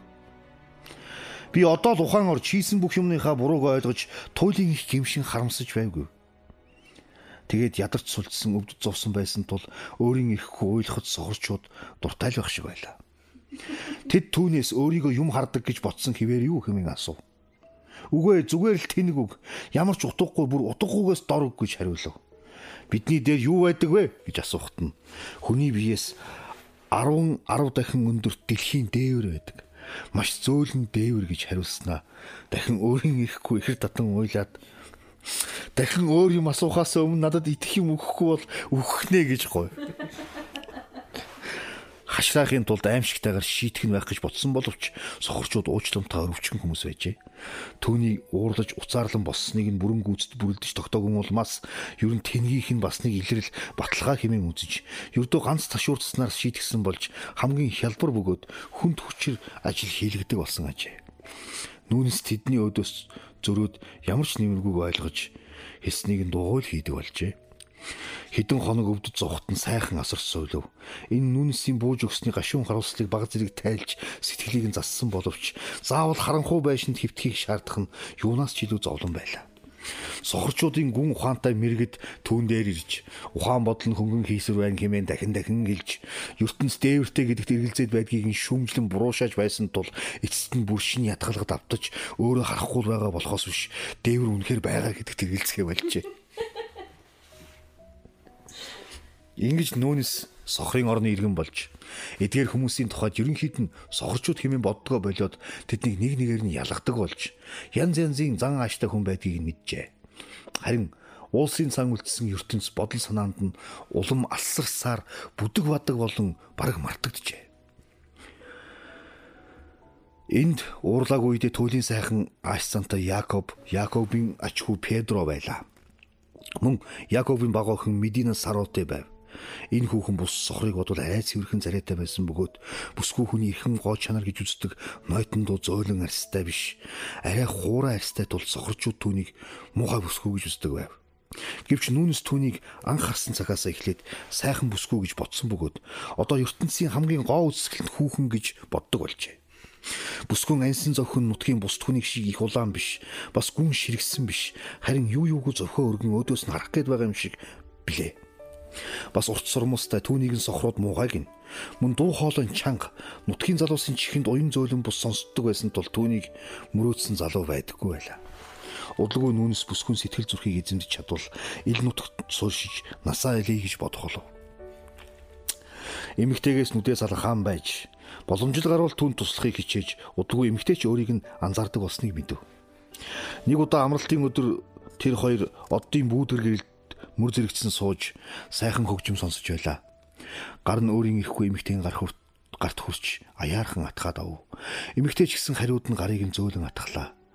Бас нэг өдөр харанхуйд хоолоо идэн сууж байтал эмэгтэй гараа сунгаж өөрийг нь ирж байгааг мэдэрч яг тэр мөчд гал эмэгтэйн нүрийг гэрэлтүүлж юута үсгэлэнтэй сайхан бүсгүй гэдгийг нь үзүүлв. Одоо болцоол гарвал түүнтэй ярихыг мөрөөддөг болжээ. Нэг удаа зуны сартай шөнө бүсгүй утсан ирэн сууж байхад нь очижээ. Сарны гэрэл түүнийг нэгэн сайхан нууцыг агуулсан мөнгөн дагин мэт болгожээ нүүнс хөлдөн сөхрөн суугаад хайр сэтгэлийн илчилж түүний нүүр царай юутай гоо сайхан харагддаг вэ хэмээн яв. Нүүнсийн дуу хоолой үнэхээр дурлсан хүний шиг байсан тул өнгө хаясаас нь бүсгүй туйлын ихээр бишрэн хүнддэг илт бөгөөд бүсгүйтэй урд өмнө хин ч ингэж харьцаж байгаагүй ажээ. Медина Сарууте тодорхой хариу хэлээгүй боловч ийм сайхан үг сонсоод баярлж хөрсөн мэдэгдэж байв. Түүнээс хойш нүнс боломжлогоор бүсгүйтэй ярьдаг болжээ. Ийхүү энэ тал нутаг эх орон мэт санагддаг болж улсын цаадах нарлаг ертөнц хизээ нэгэн цагт сонссон үлгэр мэт бодогддог болсон ажээ. Бүсгүйд харах үсгийн тухай их л болгоомжтой хулчгархан ярьж өгдөг байлаа. Харах үсгийн тухай ярихад эмэгтэй уран сайхан зөгнөл зохиол мэт хүлээн авч од мичид уулахад өөрийнх нь гоо үсгэлэнгийн тухай ярихад нь сонсох дуртай байсан боловч өөрийгөө таатаач гэсэн буруу юм хийж байна гэж боддог байлаа. Эмэгтэй түүний ярьсанд итгэдэггүй ярьснаас нь хагас ус ойлгодог байсан боловч ярианых нь нууц хүчинд автаж чих тавин сонсдог байсан учраас түүнээс ярьсан болгоныг нь сайн ойлгож байна хэмээн боддог байжээ. Удалгүй дурлал нь нүунсийн зүрх сэтгэлээс айж имийг хөөн зайлуулж зориг нэмжээ.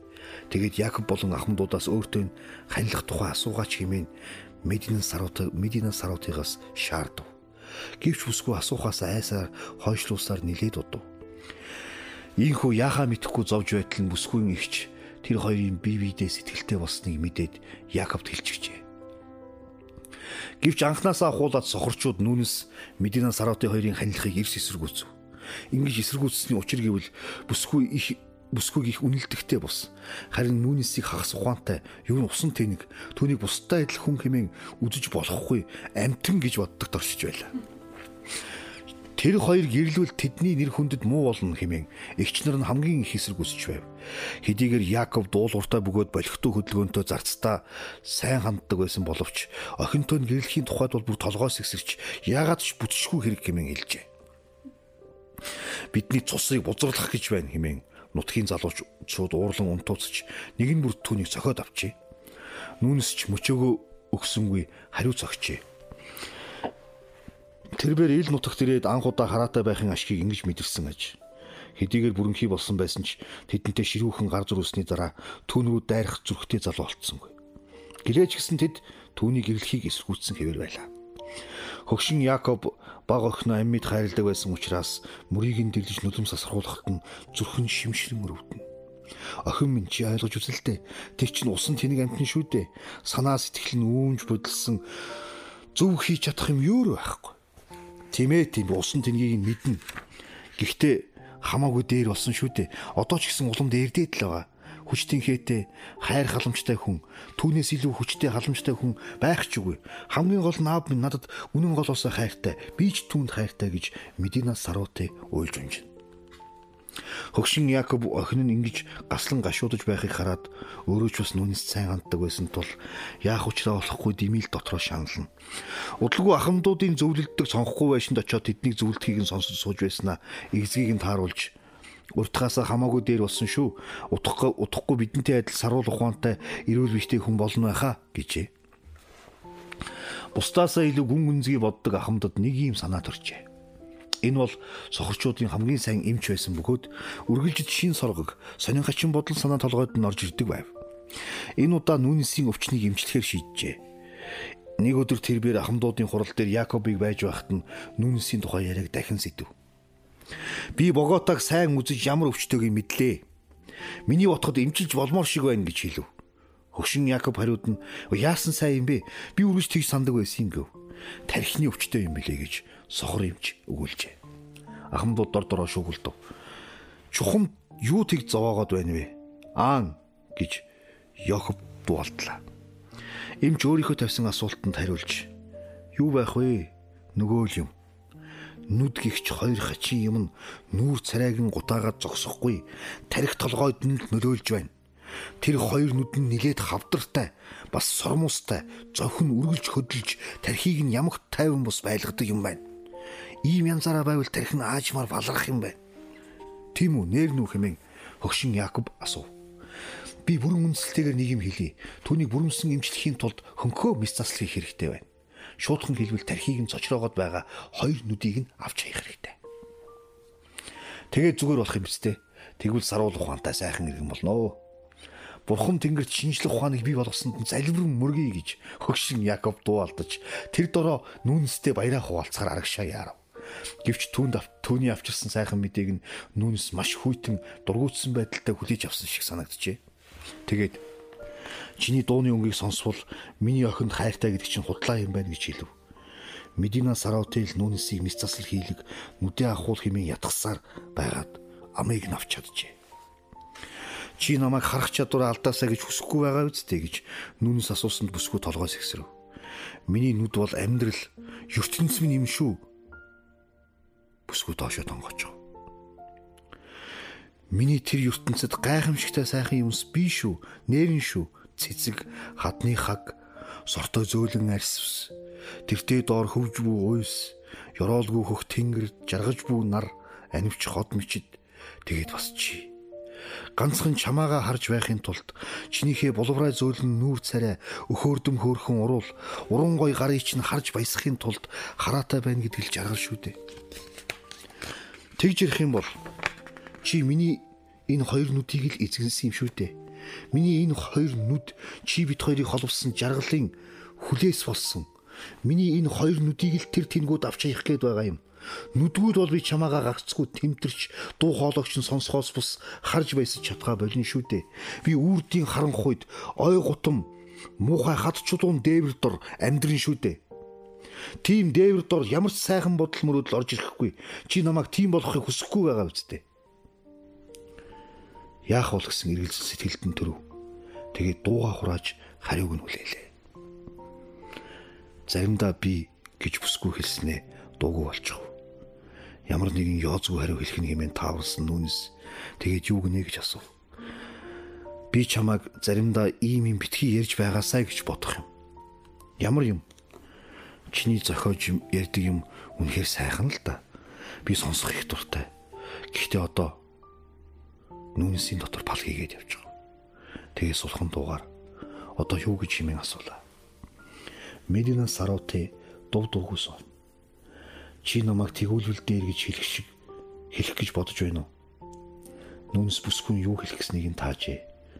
Тэгээд тэнэг хөв заяанда гомдон дотроо цухалдж байсан боловч өөрийг нь ойлгож чадахгүй байхнаа чадахгүй суугаа хүүхнээ улам бүр өрөвдөн хайрлахаж хонгор мэндэ хэмээн бүсгүн хухаа цайсан царайг харж хэлгсэн нүгэн юутай хэцүү байгааг ойлгоод тэрч чихийг нь үнсэж хоёулаа баахан дуугүйсв. Хэрэг би зөвшөөрөл яах вэ гэж тун зөөлөн инхий дугаар асуусанд бүсгүй түүнийг тас тэрч ихэр татан уйлан чи минь тэгвэл мөн сайхан да сайхан гэлээ. Түүнийг зарцын төвшнөөс энэ нутгийн сохор иргэдийн зиндаанд аваачих мэс заслын өмнөх 7 хоногийн турш нүнс зурм хийж чадсангүй байсан бөгөөд бусад хүн нартай дуг нуурандаа дугжирч байхад чухам яахаа шийдэж чадахгүй баахан бодлогочрон сууж эсвэл дэмил найс цааш холгож байв. Хэдийгээр хариугаа хэлсэн өөрөөр хэлбэл зөвшөөрсөн боловч одоо хүртэл эргэлдсэн хэвээр байлаа. Тэгсээр байтал бодох цаг нь дуусаж уулын цаанаас цас торглийг нь алтаар будан наран мандаж нүдтэй байх хамгийн сүүлчийн өдөр эхэллээ. Тэрбэр Мадонна Медон Медина Сараутыг унтахаас өмнө хідэн өсөлж амжижээ. Маргаашнаас эхлээд би юу ч харахаа болин шүү дээ гэж нүүнс хэллээ. Хонгор зүрхмэндээ гэж эмэгтэй хэлээд гарыг нь чангатгажээ. Тэгээд өвдгөн гайгүй үстэй чи тэр өвчнийг миний төлөө твч давах гэж байгааг би мэднэ хонгор минь хайрт минь. Би чамд нүдний чинь оронд зүрх сэтгэл амьдрал юугаа харамлалгүй өгнө. Инхрийнхэн дуу хоолойтой хамгийн хайртай хүн минь дээ би чамд амьдрал зүрх сэтгэлийг өгнө гэжээ. Нүнс өөрийгөөч бүсгүйгч өрөвдөн баахан ойлв. Хайртай бүсгүйгээ чинх тэрж уруулыг нь озон үнсээд хөөхөн нүүр царайг нь сүүлчийн удаа шуналтай харж за баяртай баяртай хэмээн шивнэ. Өөр юу ч хэлсэнгүй дууг холдон авчээ. Бүсгүй түүний удаан алхасаар холдох чимээг сонсож байгаад хөлийнхэн алхааны химнэлд зүрх сэтгэл нь уйдхар гунгийг шивнэхэд өөрийн ирэхгүй асгартал байлаа. Нүнэс үзэсгэлэнд сэвэн цэцэг бүргсэн бөглүүхэн ногод очиж хоёр нүдээ тахил болгон өргөх цаг эрхийг тэнд хүлэе гэж боджээ. Гэвч замдаа санаандгүй дээшээ харвал сахиусан тэнгэрлэггүй адил тал тал тийшээ алтан туяа цацраан өглөө авахай тэртээ өндрөөс тал нутг руу уруудан айсв. Энэ гайхамшигт сүр жавхлангийн өмнө түүний бие хөндийн сохрын орон хайр дурлал нь цугаараа өчүүхэн нүгэл мэт санагджээ. Хажуу тийшээ иргэн гэж санаж байсан боловч хаашаа ч иргсэнгүй шууд явсаар энэ нутгийг хүрээсэн хадан хаалганы хаалгаар гарч хад чулуу бүхий уул өөд мацаж тэртээ өндөрт нарны гэлд гялзаж байсан мөсөн ориглоос харц салгахгүй байлаа. Тэр бүхний хэмжээ хязгааргүй гоо үсгэлэн бишрэн харж өссөн үсээгүй санаа сэтгэл нь улсын дээгүүр даван нисэж саяхан хүртэл баг бүрэнсэн мартагдаад байсан ертөнц рүү очиргүй тэмүүлнэ. Нэгэн цагт амьдарч байсан. Хожим түүнээс хүслээрээ бус. Харин оногдсон хувь тавилангаар хагцсан. Авгаа их эргчлөөт ертөнцөө дурсан санаж уулсын цаадах уулс болон хүний сэтгэлийг оргилуулсан мянга мянган төм төмөн гоо үсгэлэнтэй нарны гэрэл сүрж явхлантай шөнийн цагт хүний сэтгэлийг татах нууцыг агуулсан хаашаал харан сэтгэл баясгсан орд харш сэрүү сатуулсан усан оргилууртай уран гой баримлтай мүдгэл бун цагаан байшин барилгатай хаанаас ч гэсэн ойрхон санагддаг Богота хот бүхий ертөнцийн дахин эргээд олчсон юм шиг нүдэнд нь тодоос тод дүрслэгдэв. Хүн бүхэн өдрийн турш энэ улсын бартанаас айлгүй явбал хөл хөдөлгөөн ихтэй Богота хот нилээн дөгч очиндоо гэж бодов. Тэгээд авгаа Богота хотоос заваар гарч өргөн удам ертөнцийг зорин олон хоногийн турш аялбал замдаа жижиг хот тосход өтгөн ой мод өргөн говь цөл нутгийг гítэлж бүр цааш нь бүр олон хоногоор аяллаа үргэлжлүүлбэл явсаар байгаад голын хоёр ирэг холдож гол өргөссөн тэлээд олон арван усан онгоц үзэгддэг болж эцсийн эцэст мянган мянган аралтай авгаа их дэлхийг тойрон эцэд цуцхыг мэдэхгүй зогсоо зайгүй явж байдаг эрэг дээрээс тэртээ алсад бүдэг бадаг харагддаг усан онгоцнууд бүхий зах хязгааргүй далаад хөрөн гэдгээ бодов. Тэгвэл тэр хүн эндхийн тавх шиг бяцхан тэнгэрийн оронд гүн хөхөнгөтэй ёроолгүй тэнгэр мөн түнд хөвөн сэлж бүү од мичтийг үзнэ. Тэрээр тал талаас нь хүрээсэн уулсаар бүтээсэн хөшгийг сайтар ажин ширтэв. Тухайлбал хүн ингэж явсаар байгаа тэр хан авд өсөж тэр харагдаж байгаа хадан гисаанд хүртэл ил амыг даган уулын оройд хүртэл игнэн ургасан нарс модонд очиж чадах байлаа. Тэгээд дараа нь яах вэ? Цаана харагдах игц тэнгэр өд матсаар орой дээр нь игц ингэр өд матсаар орой дээр нь гарч болох юм шиг байна. Дараа нь уулын цас дөргөлийн дээр би игц хадан ингэр өд авирч болох юм. Хэрв тэнд харагдаж байгаа игц хадыг давж чадахгүй гэж бодвол зүүн талд нь байгаа өндөр хад руу авирч орой дээр нь гарч болмоор санагдана. Тэгээд дараа нь яах вэ? Нэгэн тэнд хүрсэн цагт нарны туяанд хув мэд шаргалтан гялзж буй цас дөргөлд гарч хүний хөл хүрээгүй сүрлэг сайхан улсын хамгийн дээд оргилд нь тунд өгөж очиндоо. Нүнс тосгонор эргэж харснаа баруун тийш харж анхааран ширтэж гарлаа. Мединий Саравтигийн тухай бодов. Одоо бүсгүй сэтгэлд наслагдаж бүдэг бадаг дусгал болжээ. Өөдөөс нь уруудан айсв өглөө гухтан их зуулууд иргэснээ яаралгүйхэн мацж эхлэв. Тэрбээр нар жаргах үед нилээн өндөрт гарч хаад амс хийцүүлээ. Иннээс ч өндөрч гарч болох л байжээ. Гэвч одоо ч гэсэн чамлахааргүй өндөрт гарсан байлаа. Хувц сунар нургадж, хөл гар нь тэндээ шалбарч, цус шүүрэн гоожиж, мөн бие нь олон газар хөхөрсөн байсан боловч огт зов зов зүдэрсэн шинжгүй хөвтөх бөгөөд нүүрэнд нь нэмсгэл тодорч байв. Одоо өөрийнх нь амарч байсан газраас сохорчуудын суудаг тал нутаг бүтэн бээрийн тэртээ хол оршиж буй жирийн нэг нүх мэт санагдана. Хэдийгээр Тэр нутгийг манан будан гочиж дээр нь сүудэр буусан боловч түүний хөвтөж байсан газрыг хүрээлж үу цас торглууд оройн нарны гэрэлд ассан бамбарлууга харагдана. Цас торглууд иргэн тойрондоо гэрэл гэгээд үгэж дэрэгд нь харагдаж байсан хад түүний саарл өмнөөс ялгаран ургасан ногоон хаг энд тэнд нь гялцах тунгалаг шигтгээ мэд чулуу үнэхээр үсгэлэнтэй санагдаж байв. Мөн нүдний өмнө харагдах улбар шарангийн нэг төрлийн ургамал нүдийг нь баясгаж сэтгэлийг нь сэргээнэ. Энэ намны цаана нэг нууцыг өгүүлээд байгаа мэт санагдах сүудэр өнгө ховрон эхлээд гүм хөхөөс ягаан дараа нь хар болон шилжих нь үнэхээр үсгэлэнтэй. Дээшээ харвал хязгааргүй сансар огторгүй цэрэж байлаа. Гэвч нүнес энэ бүхнийг төдийл анхааралгүй гагцхүү сохрын орноос эсэн минь зугтсандаа баярлсан мэт зүгээр л инээмсэглэн огт хөдөлгөгүй хэвтэн. Тэр орны хаан болно гэж бод гэж бодож явсан цагч би. Нар жаргаж шүн болов. Нүнес анимчсан хүйтэн оддын дор амар тайван хөвчсээр байлаа.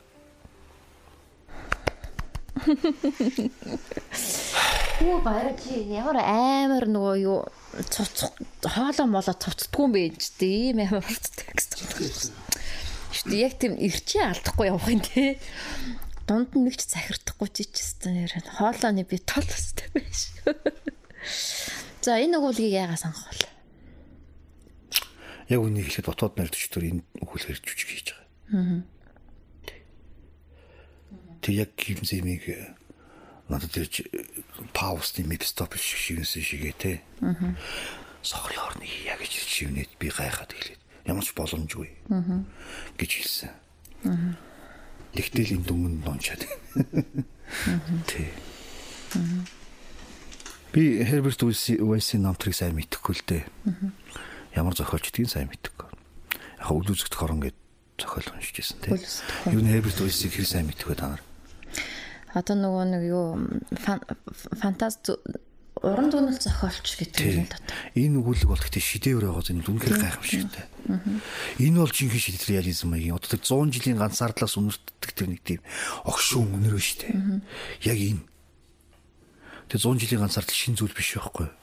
Тэгэхээр мастер Маририта энэ сохрын орон гэх мэтийн энэ зохиолууд ямар амар гүн бодрол бяцлаглаас гарч ирсэн байна гэдэг нь харагдаж байгаа шүү одоо нөгөө юм нэг юм их төсөөлөхдөө бүр ингээ бүр уг углуурах бүх юмыг төсөөлж чаддаг тий.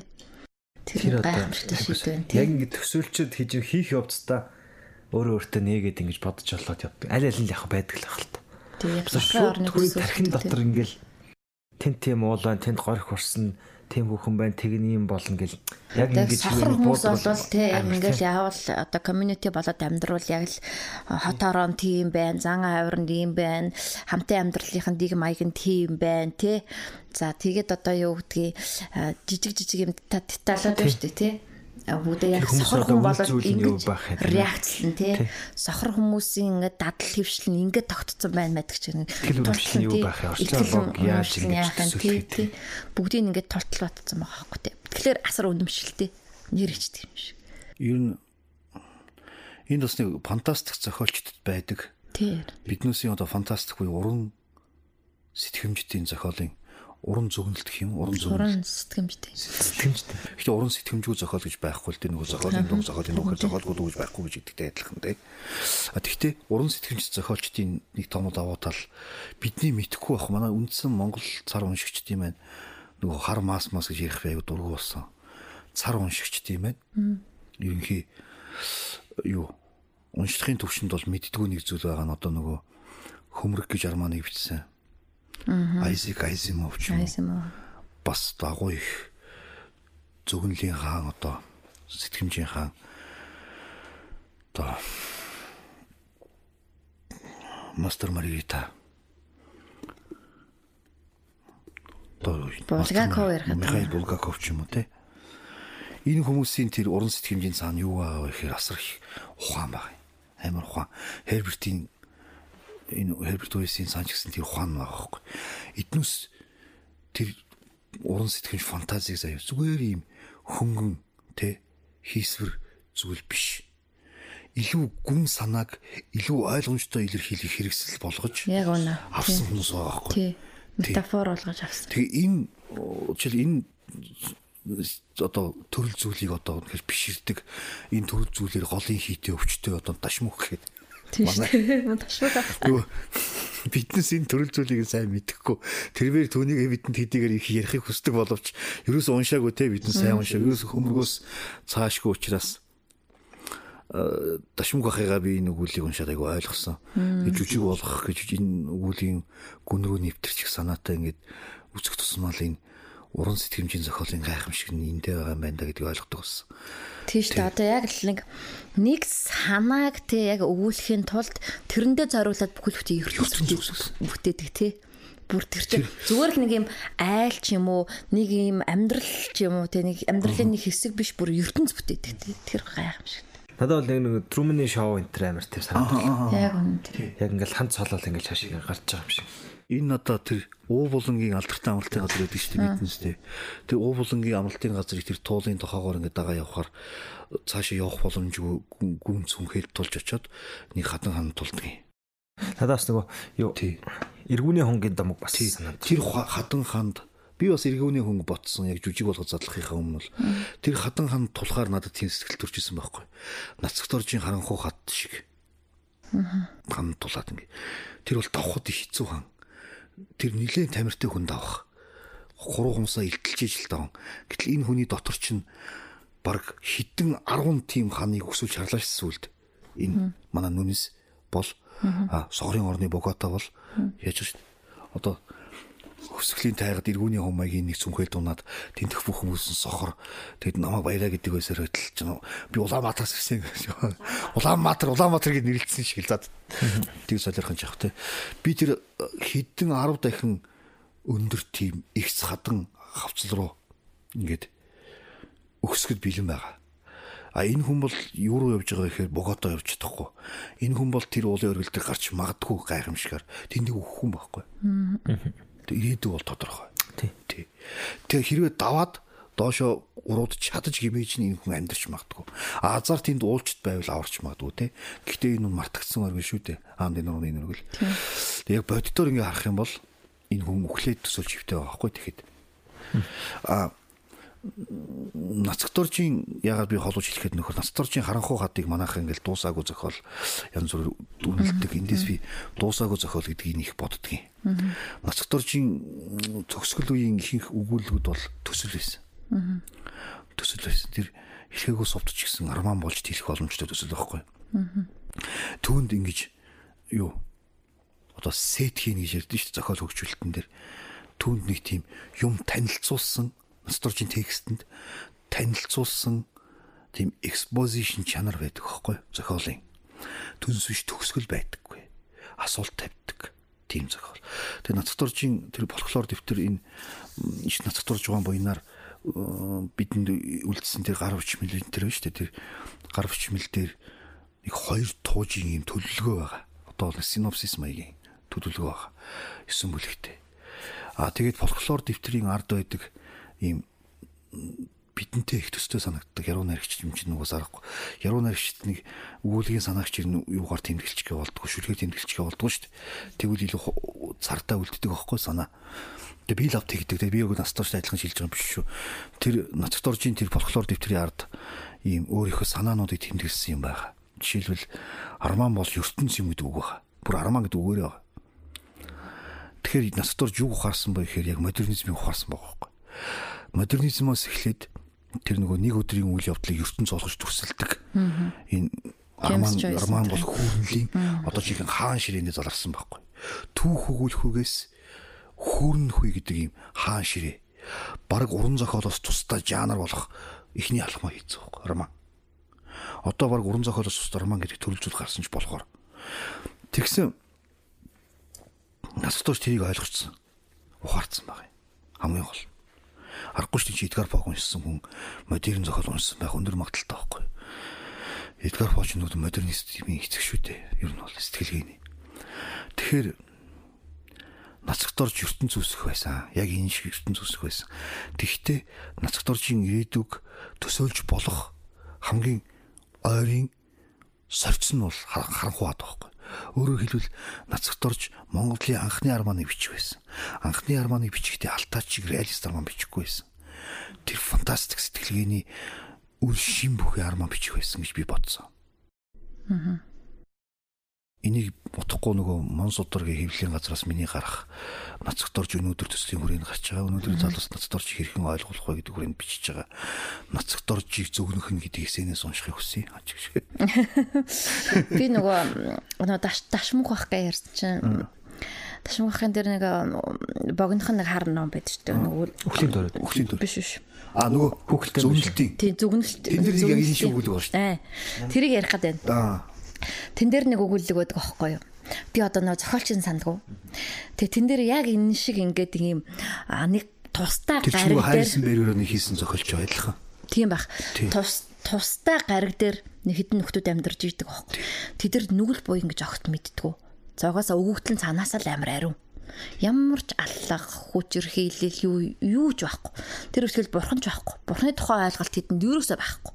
Тэгээ бурхангүй ч гэсэн цаанаасаа л ёс суртахуунтай төвөр амьдарч идэг хүмүүс. Тэгсэн чинь дэлхийгээс нэг нөхөр очдог аахгүй тий. Яг одоо энэ хин шиг дэлхийгээс өрөө тэгсэн чинь ямар сони маань бурхангүй яасан сони юм бэ гэж хилэн байгаад бүтээгчгүй юм гэж байдгүй ингэж номлон байгаад анхны анх удаа нөгөө бүтээгчийн тухай бурхны тухай тэр хүмүүст ингэж ярьж өгдөг байхгүй яриа нэг ойлголоод та нар одоо шүтлэггүй байж болохгүй бурхангүй байна гэдэг чинь боломжгүй зүйл гэж тайлбарлаа. Тэгсэн чинь тэгдэг аахгүй нүгэл мүглийн тухай ямар ч төсөөлөл ахгүй тэр хүмүүст. Тэгсэн чинь ингээд нөгөө бурхныхаа тухай яриад исэн чинь чиний бурхан чинь тэгвэл ингээд алчуул буцаад амьдрчдаг бурхан юм уу? О тэгвэл тэрийг батлал та. Тэ? Тэг яаж батлах юм гэсэн чинь чамаг алч. Тэгж амьлах нь. Чи тэгээд амьлах нь. Тэгээ цухтаа. Тэгээ цухтаад үзэлтэй гэдэг. Тэгээд нөгөө нөхрийг алцдаг аахгүй. Алснаар тэр хүмүүс анх удаа нүгэл үүсэж байгаа Тэгээд та нар одоо энэ хүнийг алчлаа. Тэ? Та нар одоо нүгэлтэн болсон. Одоо та нарт бурхан хэрэгтэй. Тэр энэ тэгээд хамгийн амар төсөл нь юм байхгүй юу? Тэр нэг борон дунд нөгөө юм алгуулж штэ. Тэгвэл бүгд амаа ангаагаад ингээд. Тий. Борон дунд зогсож байгаа тэр харин хүмүүсийн төрөх болно гэх гайхалтай. Тэгэхээр энэ бол тэрний сураг 100 жилийн өмнө бичсэн зохиол штэ. Тий. Тэгэд энэ дээр одоо шүүмждэх юм юу гэх юм ба тийм санаа ингээд байж байгаа нь. Одоо бид нар ингээд төр гэд нэг юм ингээ зохиомл юм ингээ үүсгэсэн ба шүү дээ. Тэлсэг гэд нэг юм, ерхий сайд гэд нэг юм, ерхийлэгч гэд нэг юм. Аа, тийм заавал ингээ хүндрэлтийн амьдрал ингээ хэрэгтэй юу гэсэн ингээ санаа. Тэр өгч очин гутаа шууд ингээ хаан хаан болох гээд байгаа шүү дээ. Сохрын газар. Сохрын газар ингээ хаан тий. Эрх мэдэлтэй авах гээд байгаа. Аа, гэтэл тийм тийм төр байхгүй, ерхийлэгч байхгүй мөртлөө өөрөө тэгж ивлэж одоо бүтсэн. Тийм айгуу тийм амар тайван тийм нийгэм ингээд үүсцэн. Төрийн оролцоог, бурхны оролцоогүйгээр гэдэг юм уу. Ингэж нөхөр болохоор очингууд ингэ шууд ингэ төр юм үсэх гэдэг байна. Би болохоор ингэж хараад тахгүй зохиолыг юм. Тэгэхээр ингэ яг заавал ингэ засаг байж бидний нийгмийн ч юм уу хамтын ихтгэл үнэмшил гэж нэг юм байна. Хамтын ихтгэл үнэмшил. Одоо би яг энэ зохиолын малгаанд орд одоо сойд солонгос гэж юм уу 90 оны өмнө Монголыг төсөөлөхөд л яг адилхан юм санагдаж байгаа. Яг бол хамтын нэг ихтгэл үнэмшилтэй. Тэр тэр зохиол энэ бол тийм. Би тийм байхгүй. Тийм нэгдүгээр хоёрдугаар би зүгээр фантастик зохиолыг зүгээр фантастик бусаар нөгөө библийг пиццээр хэмжлэх хийдэг шиг нөгөө библийг хэмжээр чинь тийм ногийн зай байхын тулд тийм байх хэрэгтэй гэдэг илий балай шишний судар хэмжсэн нэг юм байдаг шүү дээ. Тэр шиг нэг юм хэлээд л ягаад гэвэл энэ орон утоп орон баггүй дистоп. Дистоп гэж хэлж болно те. Тэгээ энэ орон байх боломжгүй ягаад гэвэл мөнхийн хөдөлгүүр байх боломжгүй адилхан байхгүй мөнхийн хөдөлгүүр ягаад байх боломжгүй вэ гэхээр энерги хадгалагч байгаа учраас энерги үүсгэж байгаа нөхцөлд ямар ч зүйлд илэгдэл хорогдол үүсдэг. Тэгэхээр ямар ч төгс материалаар хийсэн тэр материал илэгдэнэ. Төгс материалыг төгс материалтай юу харьцаж буй энерги үүсгэхээр харьцаж буй тэр төгс идэнгүүд тэгтээ төгс илэгдэнэ. Төгсгөлөх цаг хугацаанд хизээ нэгтээ илэгдээд мөнгөний хөдөлбөр зогсох байхгүй. Түүнтэй адилхан энэ хүмүүс ийм үржил шимтэй ийм хязгаарлагдмал газар 10 жил болсон бол нэг 10 үе болсон бол нэг асуулт байна. Энэ хүмүүс эндээ багтчихгүй өрж өстэй. Тий. Тэгээд энэ логик одоо фантастикийн логик яг гიშгэж байгаа юм байхгүй байна. А тэгтээ зохиол руу тайлж гэсэн үг биш шүү. Тэгээ яг ингэ ботгоос л нөгөө новшийн нийгэм маань эхэлдэг байхгүй юу? Тий. Тэгмэд удаас ингэж ш бас нэг юу Одоо энэ нэгээрээ бас ингээд юу ингээд шүүмлээд юм шиг. Хэд нутгийн уугуулуудыг одоо ингээд очоод амир хүүс тэмтрэл төрмгийлэл ийм үзэгдэл агуулх гарсан шин. Тэр хүмүүс та нар ингээд соёлгүй байна тийм ээ. Соёлжих хэрэгтэй ингээд өөрсдөө л ингээд адилхан болох гэдэг байхгүй. Тэгмэд нөгөөдөл нь өөрийн үнд зүйлтэй өөрийнхөө жамаасаар ингээд хөгжөөд шал өөр замаар явж байгаа хүмүүсийг хөгжлөхүүгээл очоод ингээд төрмгийлээд байгаа тэр юмыг ингээд яасан ч юм шиг. А тийг хийж байгаа. Хэрэгтэй. Энэ бол тасалж тэргээр. Яаж яаж санаа тэндээ штэ. Аандын нуруу Ферю Перу Кордильерийн уус энэ having иргэншлүүд чинь үнэхээр тэгээд Испани. төрлөختний хамгийн их шатлагыг мэдэрсэн хүмүүс. Ягаад гэвэл монголчууд ч юм уу Маяачууд ярьж байдаг. Тийм маяч. Эднээс өөрсдөө хята хята барааг багт очоод юунууд Европод Ирланд Кортесийн өмнөд Америкт буусан тэр анги бол өршөөлгүй хядлага явуулсан шүү дээ тэгж гаргасан. Тэрийг бас юу ёжилж байгаа юм л цаавын цаана. Энэ сохрын оронд лалар гэдэг энэ лалар гэдэг үг яг цаад зохиол дээр ямар үг байсан юм бол? За түүнийг танаас найдаж асууя. Үүнийг одоогор би хараагүй байна. Харъя гэж бодоод мартсан байна. Лалар гэдэг бол яг нөгөө шашин оронд гэсэн утгатай байсан. Сохрын оронд тэссэн хүн хаан болно. домгийн үү штэ. Тэрстэй. Буруу номтон хаан болно. Буруу номтон хаан болно. Үгүй нэг үттэй амтан баг. Тэнгүү сохрын газар болохоор нэг нүдтэй хүн. Тийш тий тий дундаа нэг нүдтэй шүү дээ. Тий нэг нүдтэй шүү дээ лаларчаа. Аа. Манай луваас горч домогтой болохоор ингээд мөрөн дээр хоёр нүдтэй ч л ингэж лалар гэдэг нь тэгж гардаг. Тэр утгаар нь хэлж байгаа. Цаатлахын ундаа ганц нүдтэй. Энэний үгийн сонголт дээр бол манай хоёр нүдтэй хүмүүс нэг нүдтэй хүн тийшээ очих юм бол тэр хаана Зүгээр ингэж байгаа юм шүү дээ. Сохрын оронд яаж ганц тий хоёр нүдгүү хүмүүсийн дунд ганц нүдтэн ч гэсэн хаан болно гэж байгаа юм шүү тий. Хоёр нүд нүдтэй хүмүүсийн бол ганц нүдтэй хүн чинь бол ингээд сохор очих гэдэг байна. А сохрын орондоо очих юм бол тэр л хаан бол. ганц үдтэй ч байсан хаан бол. Хаан батал гэсэн юм тий. Тэгээд тэгээд Тэр цаана гэхдээ яг яг лалар гэдэг нь яг ямар юу гэсэн болоо тий би асаа. тийм яг тийм лалраа ганц үдтэй утгаал. ганц нүдтэй хүн уламжлалт үг сонгосон болж байж магадгүй юм тий. Тий. Энэ бичлэгийн хамгийн гайхамшигт хэлбэр нь үлгэрлэг байдалтай байгаа юм. Тий штэ. Тийм байна тий. Үлгэрлэг байдлаар үүснээ гинт драмлаг байдлаар очиж байгааз. Эхлээд бол ингээд цаг хугацаагаас дураараа нааш чаш татаал ингээд үлгэр хүүрнэд л шүү дээ. Тэгжээс ингээд драмлаг хэлбэрлөө очиж байгаа юм. Тий. Тэгээд заримдаа үлгэрлэг болчихно. Үлгэрлэг байдлаар Би эхлээд одоо тэр ихэнд нэг гарч явсан нөхрийг дагах юм байх та гэж бодсон. Тэр чинь бүр онх хаяад шалгаар. Тий. Тэгэхээр энд өгүүлэмжийн хідэн дуу хоолой байна вэхээр 3 4 дуу хоолой бий. Өгүүлэмжийн онлоор бол өгүүлэмжийн хит хитэн төвшин байгаа шүү дээ. Энэ бол хамгийн дээд түвшинд нь буюу одоо dramatized character гэдэг төр дээр явж байгаа юм. Энэ юу гэхээр бүх өгүүлэг бүх хөөрнөлд байгаа бүх эдэс нь ярьдаг байхгүй тэр нөхцөлд драмчлагдаж эхэлдэг. А энэ бол тийм амархан биш. Тэ. Энэ бол симфони бичгтэй адилхан. Урд армаа хүүрнэл доторх бүх дүр ярьж тэгээд тэр дээр дүрн заримынх нь монолог хэлбэрээр суур өгүүлэмж хэлбэрээр зарим нь хоорондын харилцан яриа хэлбэрээр зарим нь төсөөлөл хэлбэрээр ингээд сүлгэн сүлхэн. Ерөөсө хойно дуурч байгаа жимбүр наан дуурч байгаа хийл хоёрыг нэгэн зэрэг тархин дотроо бодоод нотлохтой адилхан ховч чадвар байхгүй. Ийм хөрөнгөлийн чадвар бол их ховч чадвар юм байлээ. Уэлсийн хамгийн гоё давуу тал нь юм Тэгээ манайхны нэг уран зохиол ойлгохдоо одоо хараханда таашаа жамжихгүй байгаа. Одоо гэхдээ таашаагаад эхэлсэн байгаа. Юу бол энэ романы соёлоос эхэлж яригдж байгаа. Хүүрнэлийн соёлоос юу. Хүүрн хүн эд баг гэж нэг юм байдаг. Набоков байдаг тий. Энэ бол муугар хүүдэс өргөөлөм тий. Манай уншигч улам хөгжиж байгаа. Ингээд манай уншигч хөгжилт орой гэдэгтэй биш уучлаарай. Ийм юм биднес баг уншуулсан тал байна. Манай зохиолч те.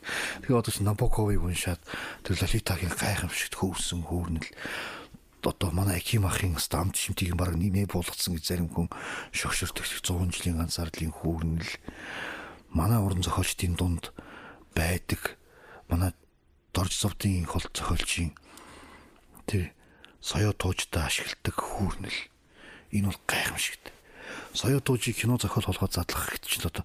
Одоо яг ийм хөө зохиолч гэвэл манай дор зовдын хол зохиолч байхгүй энэ уран сэтгэмж суурь дээр реализм бичдэг. Шийдэл реализм руу бараг гიშгчингээ алдаад идэг. Тийм зохиолч байхгүй тэгээ энэ хол зохиолч бол яг тэр одоо соёо тууж дээр бүсгүй бай дотоо юу хов хоосон нөхрийнхөө аймагт ирсэн шинэ байранд орж ирээд бие угаанга ванны толинд өөрийгөө харахтаа тэр өөрийнхөө нүцгэн биенээс гулсаад устай хамт өнгөрсөн цаг руу орчдөг байхгүй юу? Аа. Тий. Яг тэр хүүрэл тэрэн дотор яаж байгаа дөрүүддээ тэр хүүрнлийн жингээ хойрлж байгаа энэ төр бол зөвхөн одоо боловсрлоор өгдөг юм ерөөсөө биш. Энэ давяас хэрэгтэй юм шиг байна. Энэ л хамгийн сайхан Herbert Wilson яг энэ чанар надад үнэхээр таалагдсан. Одоо ингэ ингээд яаж тэгж гоё хөрвүүлж чадж байна те. Яаж тэгж гоё хөрвүүлж чинь тэгээд бас ингээд ийм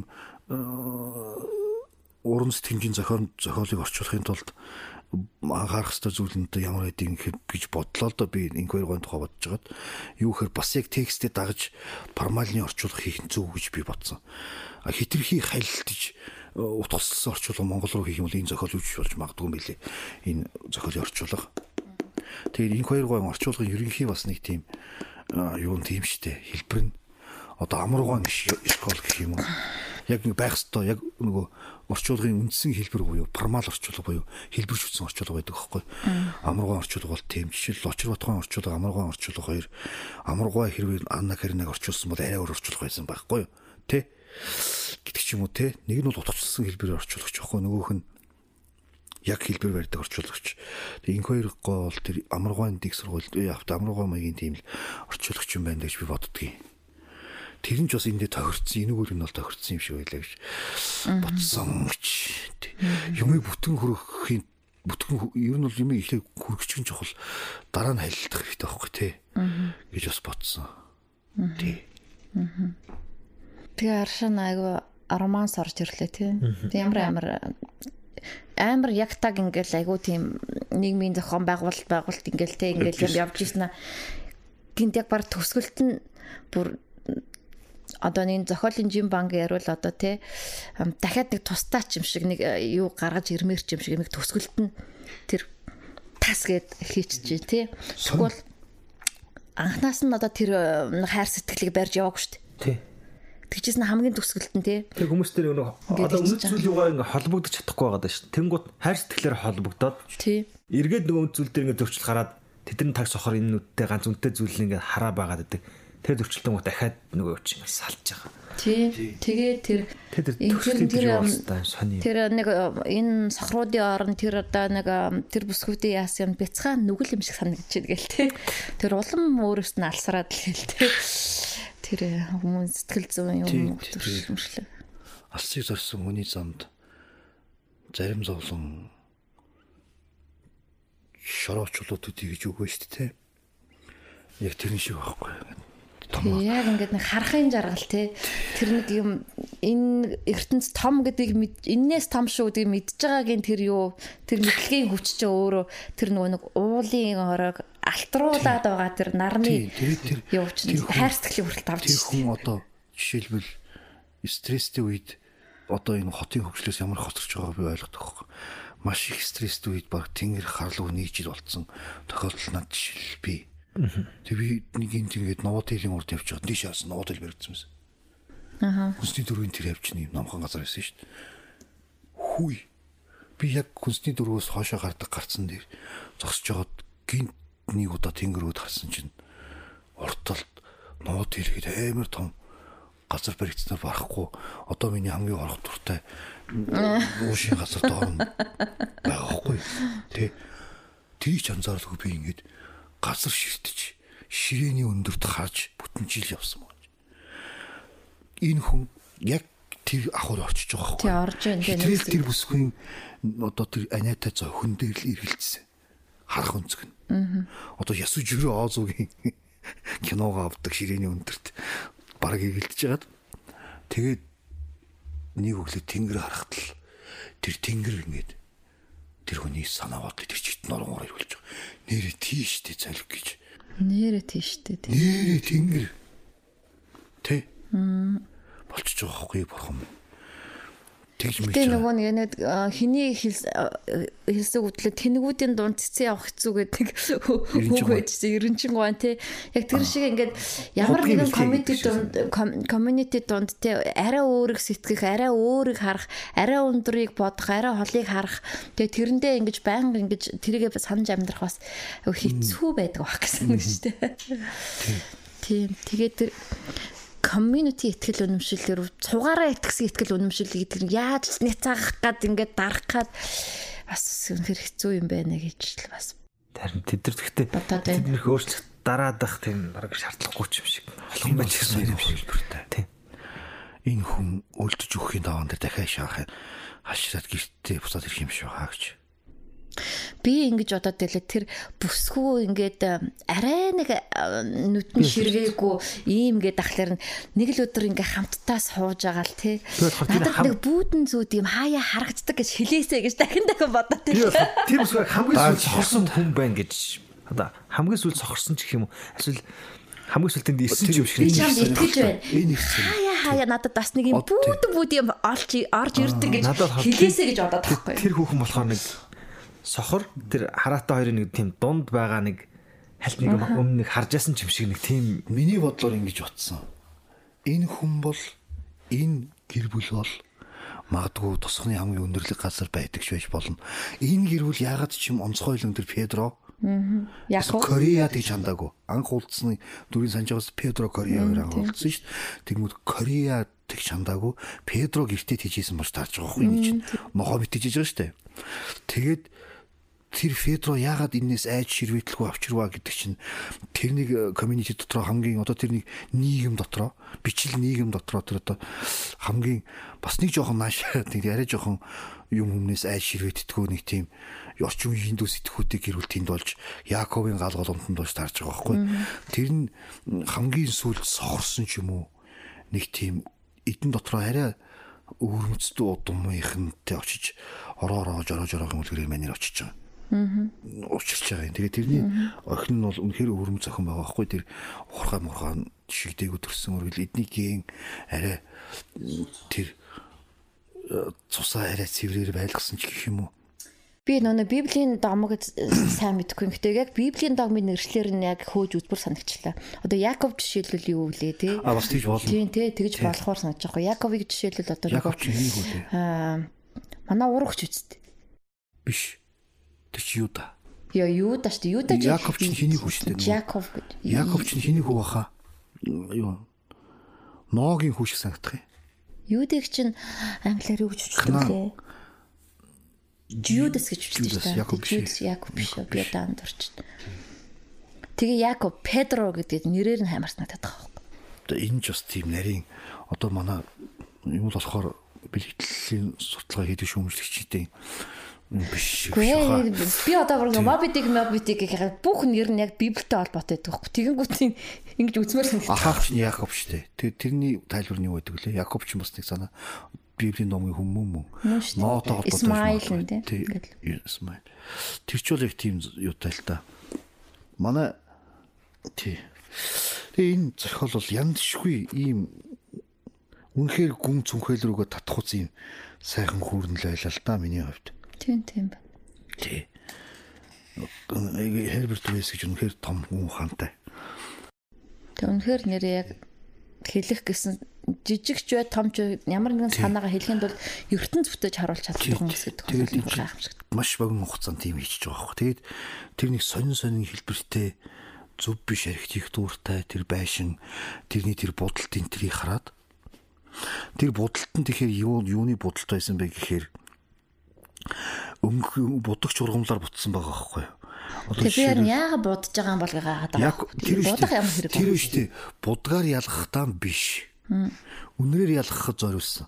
Зарим нь ягаан юм шиг, зарим нь цэнхэр юм шиг. Аа нөгөө байшингаа ингээд тийм ургамлын югаар тийм ээ, тий зосоор ч юм уу, арцаар ч юм уу будчих юм байна л да тий. Байшин цонх төсөөж чадахгүй гэдэг амар сонь тий. Тэр бол гайхамшигтай юм нэг хэлдэг байхгүй.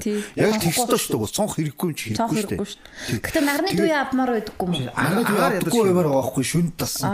Тэгээд тэр сургаал номлол дотор нь ийм байгаа байхгүй ертөнц ингэж сүүдэрт чийшээд тэр чиглэгээс нь хүн төрсөн.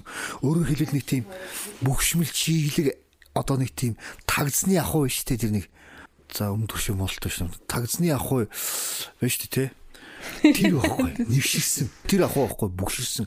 Тэр ахуй нөөцийн хувьд тэнгэрлэг мэдрэмж байхгүй. Өөрийнх нь сургаал Гэтэ зүгээр ингээд нөгөө нэг юм зүгээр л э, нөгөө нэг э, хитэн 15 мянган 15 үеийн өмнө байсан э, эцэг өвгдийнхөө тэр уулын цаана амьдарч ирсэн эцэг өвгдийнхөө тэр шинжлэх ухааны ярьжсэн шинжлэх ухааны мэдээллийг одоо санаж байгаа нь тэр юм биш юм зүгээр л нэг стабд үүссэн тухай сонсон байна. Энэ шиг уу? 15 үеийн цаана байсан эцэг өвгдийнхэн мэдлэгийг сүүлд төрсөн 2 сард баг, сохор сард баг өөрчлөөд өөрчлөөд бүгд энэ хэрэггүй хоосон мэдлэг байжээгээд Тэгсэн. шин шашин бич өгсөн энэ нөхгүй юу? Шин шашны нэгширсэн ахуйн шашин баг. Тэгээд энэ тэр шашныхын гол заалт нь тэр шүү дээ. ертөнц чийлэг Дулаан сүдэрсэн ийм ахуйгаас төрсөн юм аа. Тэгээд үссэн юм аа энэ хүн юм. аа ер нь бол харанхуугаас үүссэн л гэж байгаа юм Тийм, тийм тийм, тийм. нойтон харанхуугаас Нойтон үүссэн харанхуй хэрэгс үссэн. Тий. зөвөн гаргалах шүү дээ. Бас эвгүй гаргалгаа тий. Ингээ харахаар энэ хүн ингээд ертөнцийн тим юм гэж яаж байгаа нь тэгж онооч байгаа юм шиг тийм дагаа итгэж бичсэн тийм нэг жүжиг болгож э, юу тавих нэг ихтгэл хэд хэд үнсэн дараа юу гэж төгсөн хэрэг энэ ийм байгаамаа. Энэ Герберт Вейс ерөн фантастик зохиолч төгсгөлөө төгөлж болж хардаг баг. Ихэнх бас гүрнэгч төгсгөлөө болж хардаггүй байх талтай. Гэтэ Арман бол төсөл хэлбэрээс хөгждөг төсгөлөө хардаг жүжигийн дараачийн жанралдаа дотроо өгүүлэлгээ жүжигтийг агуулж байгаа байхгүй Арман ч. Тийм учраас Арман дээр төгсгөлөө хардаг. Энэ усыг Арман шиг төгсгөлөө харц өгүүлэг байхгүй өгүүлэг гэдэг сонио. Тэгээд төгсгөлөө харсан гэдэг нь надад айгуу тийм жүжиг болгож болмоор эхний шижим. Зохиолч эхлээд төгсгөлөө харсан. Тий. Тийм байгаа юм аа гэж. Надад бол нэг сохор тэр хүмүүсийн нэг жоохон тийм өмөөрөх тийм сэтгэл төрөөд байгаа. тэнд тэргүүрээ байж лээ л юуг нь өөрчлөх гээд байгаа юм Бид тэр одоо нэг юу гэдэг нэг нэг орс ирэл монголчуудыг бах ингээл тэгээд байгаа юм шиг. Маш чинь болохгүй наадах би ч өсөх чинь болохгүй байна. Наадах шүү дээ. байл ингээд үлдвэрээр юу ч юм уу тийм ээ. Гэт өөрийнхөө замаар ингээд яаж юм ингээд өртөг адилхан болох гэд.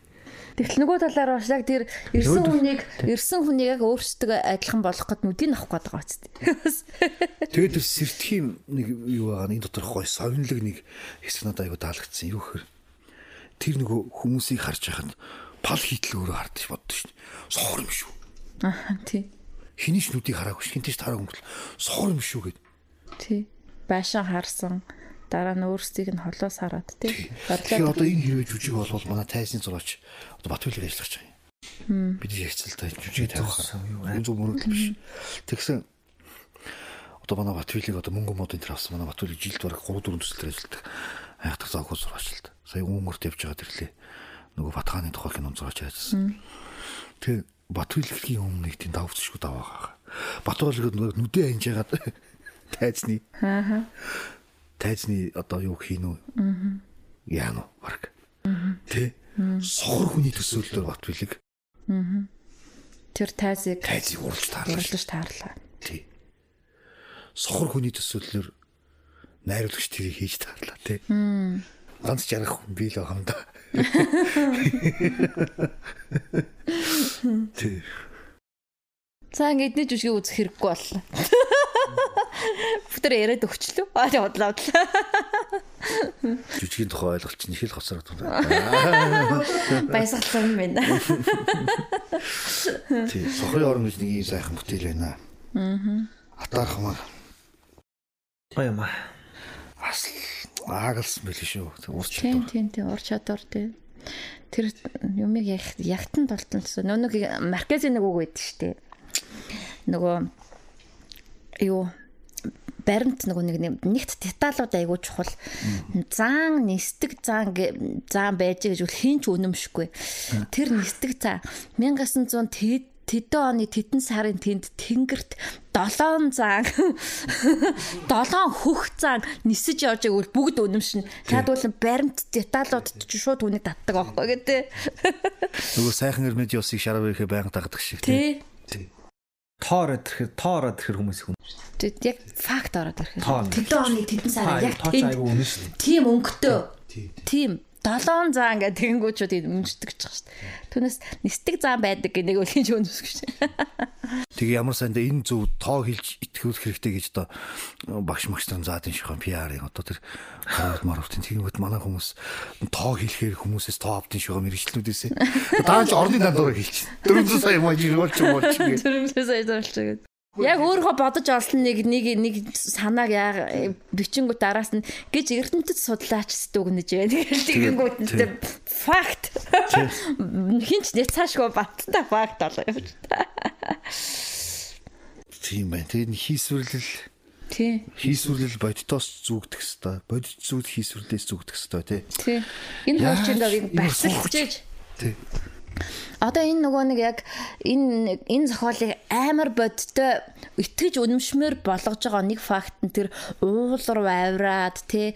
амар итгэл үнэмшилтэйгээр доошоо осолдоод орж ирж байгаа. Тий тэгэл тэр уулын уулчны сүхэн доошоо унчжээ мунчжээ гэж байгаа чи энэ зохиолыг итгэл үнэмшилтэй болгож байгаа ганц юм тий. Тэр болохоор хүний бидний нөгөө таньдаг юм өгөхөөр тий. Уулч нэрэлдэг тий. Тэнгуут огт үе итгэхгүй жагаад гараасан байсан чи хариу гараас нэг атгалаа гэсэн чи надад амар ойрхон байгаа байхгүй. Тэр тэр мэдрэмж би мэдэх учраас шууд орчиж байгаа. Тэгээд яг дурлсан юм. илүү илүү учраас нэг оруулаагүй сексийн хэсэг бас мэдрэгч байгаа цаана. Тэр эмхтэй сохорч хилээ, манер нүдтэй ч хилээ. Мэдээч хэрэг тийм өрн гачдын зүйл болоод тийм үедээ бол хүн өөрсдөө нүдтэй нүдгөө мэдрэн шүү дээ. За тэгсэн байгаа. Тэгээд тэгээд тэгэхэд бол энэ юмхтэй яагаад энэ тосхны бүх залуучуудаас илүү энийг татаж тэр хамгийн тэр хамгийн гэж хэлж байгаа юмхтэй. Тэр хамгийн хүчтэй тэр тийг мэдэрсэн л байхгүй. Тэр чинь нүдтэй юм чинь тэр юмхтэйгийн Хүмүүс ер нь үнсэлтгцэн нүдэ юм шүү дээ. Гэхдээ тэр юм- энэ хүн нүдтэй учраас тэр юмхтэйг нүдгүй ирчүүдээс хайгүй их жаргаасан байх магадaltaй байхгүй. Хайгуу наач өөрөө дурлсан байна. Өөрөө тэрнээс бол бас амдархан дурлж байгаа байхгүй. Өдөө ухаж өгтлөө дурлсан. Ухаж өгтлөөр хүртэл дурлж байгаа. Загаас яг гоё ш нүдээ ухаж өгтлөө дурлсан. Тий. Тий. Тийм байна. Хэмж үжинд ашиглана. Сохрын газар сохор долонгийн газар Сохрын газар сохорын хулсд хэцүү юм шиг байна. Тий. манай монголчуудыг би энэ одоо энэ яг энэ сохрын орноос холбогдуулан манай монголчуудын хэлэх дуртай үгсийг энэ жүжигийн зохиолоор оруулах гэж бодох юм. А ганц энэ Сохрын газар сохор долонгийн газар манай манай Чингис хааны философи биш. Хэрвээ Чингис хаан сохрын газар доглон доглонгийн газар юу лээ? Доглон гэдгээр явсан бол Чингис хаан бол хамаг Монгол аймгийн ханилыгч дарга болж чадахгүй. Юу? Өдөртөгч болж чадахгүй. Тэр нэг хитрэл бихтрийг алсан хүн гэж үзий ядагдчих хүн. Тэр бол сохрын газар ад үзэх төс хүмүүсийн дунд бас л ад үзэх төс нүгэл үлдсэн хүн шүү дээ. Тэгээд тэгээд дээр нь тэр овгийн байгууллагыг өөрчилсөн манай Чингис хаан ч. Овгийн байгуул болохгүй байна. Энэ цэргийн ардчлал хэрэгтэй байна. Ээж нь бүр нус товчон дээр их мэдл хуангууд ээж нь урдаа гарч ирж байгаа шүү дээ. Өөлөн өөлөнд өгсөн тэр иргэд те алтан урынханд өгсөн иргэд өөлөн ихэд сталгсан тул үл дугуур өгч байгаа шүү дээ. Дуу хис гаргав. Их нь ууралж байгаа. Яс алтан хүч хүчтэй та нар хэрэггүй. Энэ тэрүүн гарын сай дээр мухлаг тавих хэрэгтэй. Нөгөө талын сай дээр нь нөгөө баян хүний хүү боолч тавих хэрэгтэй. Мухлай бол боол бо- боорч бол зүгээр л малтай хүний хүн байсан. Тэ? Тэгээ энэ тэрүүн жанжнаараа барлас гээд баг хүн мэдтгүү жижиг овгийн хувлаг тамнаа хөө. Дөрвөн шилдэг жанжид дундор нь хуучин алтан ургийн хамаг Монголын ямар ч язгууртны хөвгт байхгүй. Хитрээд арай гайгүй олбогтой ойрхны усан зилэм дархан л. Монгол Монголын нус товчоол энэ мэтэр ингээ ухаад ирвэл драмат драматургийн ариун нөөцтэй. Манай нус товчоол драматургийн онлын үүднээс шүүрдээд зин самнаад харахтал хээ базар бай. Ээ одоо Яг энэ драматургийн үүднээс харах юм бол нус товчонд хуучин гэрэлийг инж очих байх энэ содорнуудаас. Тэгээ аюур зан ахын дээр хэлээд байгаа үгийг баясгалан хийсэн үгийг аягүй зүсгэлэн боддог байхгүй энэ бол зөв. Энэ манай уран зохиолынхны манай нус товчоол сая одоо жишээл маркетинг чинь этүүд багштан одоо этүүд монгол судлаач тэр Маргарет этүүд гэж. Кристоф Рейки гой ёо пингвин э, нэр хэвлүүллээ шүү дээ. Тэр бол одоо ингэж хүн болгон цугуулагч тийм бол шууд автоматар гэртээ авдаг одоо пингвин хэвлийн газар шүү дээ тэргүүлэгч. Тэнд одоо нус товчоо маань хэвлэгдсэн гэдэг нь одоо бидтэй бидэнгүү хэрэг сансар том алхам. Тэгээ одоо энийг биднес яах вэ гэхээр одоо яг одоо энэ нуус товчоогийн судрыг бол яг драматургийн үүднээс сайн судлаад энийг бол дэлхийн ертөнцид асар олон төсөл болгож задлах хэрэгтэй юм шиг надад санагддаг. Асар их задлах хэрэгтэй. Одоо ингэ Ридли Скотт яагаад эпик сайн кинонууд хийгээд байна? М, Үйлс ч гэсэн яагаад тийм амжилттай болсон креденс бүгдээрээ л нөгөө интертекст хийсэн шүү дээ. Тэгэхээр Монголын нус товчоо бол тийм шавхшгүй тийм сан байна. Монголын нус товчоонд 40 түүх байна. 40 юу лээ? Өгүүлэгдэхүүн хэсэг байна гэж дамжин сурангай судалж тогтоосон байдгийг. А бүр өгүүлэгдэхүүн хэсгийг дотор нь нарийн задлах юм бол энэ бол тэр 40 өгүүлэгдэхүүн хэсэг дотроо дор хаяж 10 өгүүлэгдэхүүн хэсэг задарна. Одоо жишээл хамгийн энгийн жишээ. Нандин сүрэнгийн нус товчоон дээр хуулиураар 300 үг тавхан параграфанд байдаг алонгоо ихийн домог байна. Дотроо яг драматургийн зөвчлөөр гаргах юм бол 10 зөрчил бий. Добуу мэрэгэн өхөв алонгоо их төрөв Төрөв. гурван гурууд. Энийг зөрчилгээд авч нэг гээд авч заа юу. За тэгээд эмэгтэй хүний хүндэтгүүл гурван зөрчил шүү дээ. За тэгээд дараа нь эдгээр хүүхдүүдийн хөвд хардан хоорондоо сэм хэрэлцэв. Сэм хэлсэн үг ихэд олон хэлцсийн дараа алонгоо ихийн гарт очив ингээд дөрөв дөрөв очив. зөрчил. Алонгоо их үүнийг бодоод дотроо шаналв. Таван зөрчил 6 дахь тэгээд алонгоо их тэдгэр хөвүүдийг цуглуулж энэ бол тэнгэрийн хөвүүд гэж ятгав. А түүний дараа ятгалгаа бүр бодиттой сургаал болгохын тулд таван сумны сургаал гээд бүр ингэж сургаал хийлв. Тэгээд алонгой хөхнө. 8. 8. Тэгээд алонгой хөгсний дараа хөвгүүд энэ сургаалыг огт дагаагүй гэдэг нь илт. Алонгой их ингэж сургаал хэлэнгүүтээ шууд өгчөж байгаа нь ч учиртай. Энэ сургаалыг даг- даган хил хилцэж байгаа үед хинж дагъя гэдгийг илэрхийлээгүй нь илт. Тэрний сууж алонгой хүчж байгаа. Тэгээд энэний дараа энийг дагаагүй э, хөвгүүд хоорондоо булаацалтж байгаа юм аа. Тэгээд хам булаацалтахта мороолаа барж булаацалсан гэдэг нь хүчтөөрөө хамгийн багдуугүй хөөж явж байгаа юм. Ингээд бодомчир мөнх ингээд бодомчир мөнхөг хөөгдөн явах хүртэл яг 10 зөрчил байгаа. 4 500 хүрэхгүйгэн дотор шүү дээ. Энэ юу илэрхийлж гинүү гэхээр энэ бол асар их олон түүхийг нэгтшүүлсэн драматургтай зохиолыг тэр илэрхийлж байгаа. Нүүц бололцоо. Алангойхийн энэ домг шууд Эдип хаан шиг эмэнэлт дүр төрхүйц эхээ идэхстийн тухай домг байхгүй. Тий. Тэгэнгүүт бодончир тэндээс оршихуун философор оршихуун асар том философ бодж олсон. Тэрний юу гэхээр өөрийг нь хөөсөн ах нарыгаа хүлээж сэтгэлээ огт алдаагүй. Алдаагүй. Хүчсэн. А нуус товчон дээр юмыг ирүүлэх зорилгоор учраас хин бугаатыг босч ирсэн гэж гардаг. эргэж хайсан ахын санаа зовоод ирсэн. Тийм ч үгүйс биш. А тэгтээ энэ нөхөрлөлийг буцааж бих болгох, буцааж ах дүүсээ дуудах та тий дараагийн юунаас бол бэгүүнүүтэй бэгүүнүүтэйгийн удам дөрвөн хүүхдэн салж нөгөө дөрөв хүүхдэн болдог гэхээр бус нийлсэн гэсэн үг байхгүй энэ таван хүүхд ч бус нийлсэн тэр ажиллагааг болохоор ганц л үг ганц л код ингээд чиглүүлж байгаа. Хүмүүн ахтай дээл захтай буюу. Тэ? Энэ утганд хурааж болох шүү дээ тэ нийлж нэг тэр бүлэг аваа. ардыг эзлэе гэж байгаа бас эрг ашигын нэг л байгаа шүү дээ. Тэгсэг ард энэ байна. одоо Тий. Энэ ядуу. за энэ юу нэ зохиолч гараа авчлаа энэ нус товчны тухай тусдаа лекц болно энэ лекцээ би бол үнгүү подкастер цацахгүй байна билет тасалж цацах хэрэгтэй гэж бодож байгаа Билет тасал за- задлах юу яах жүжигээ одоо ярьж өгч өд.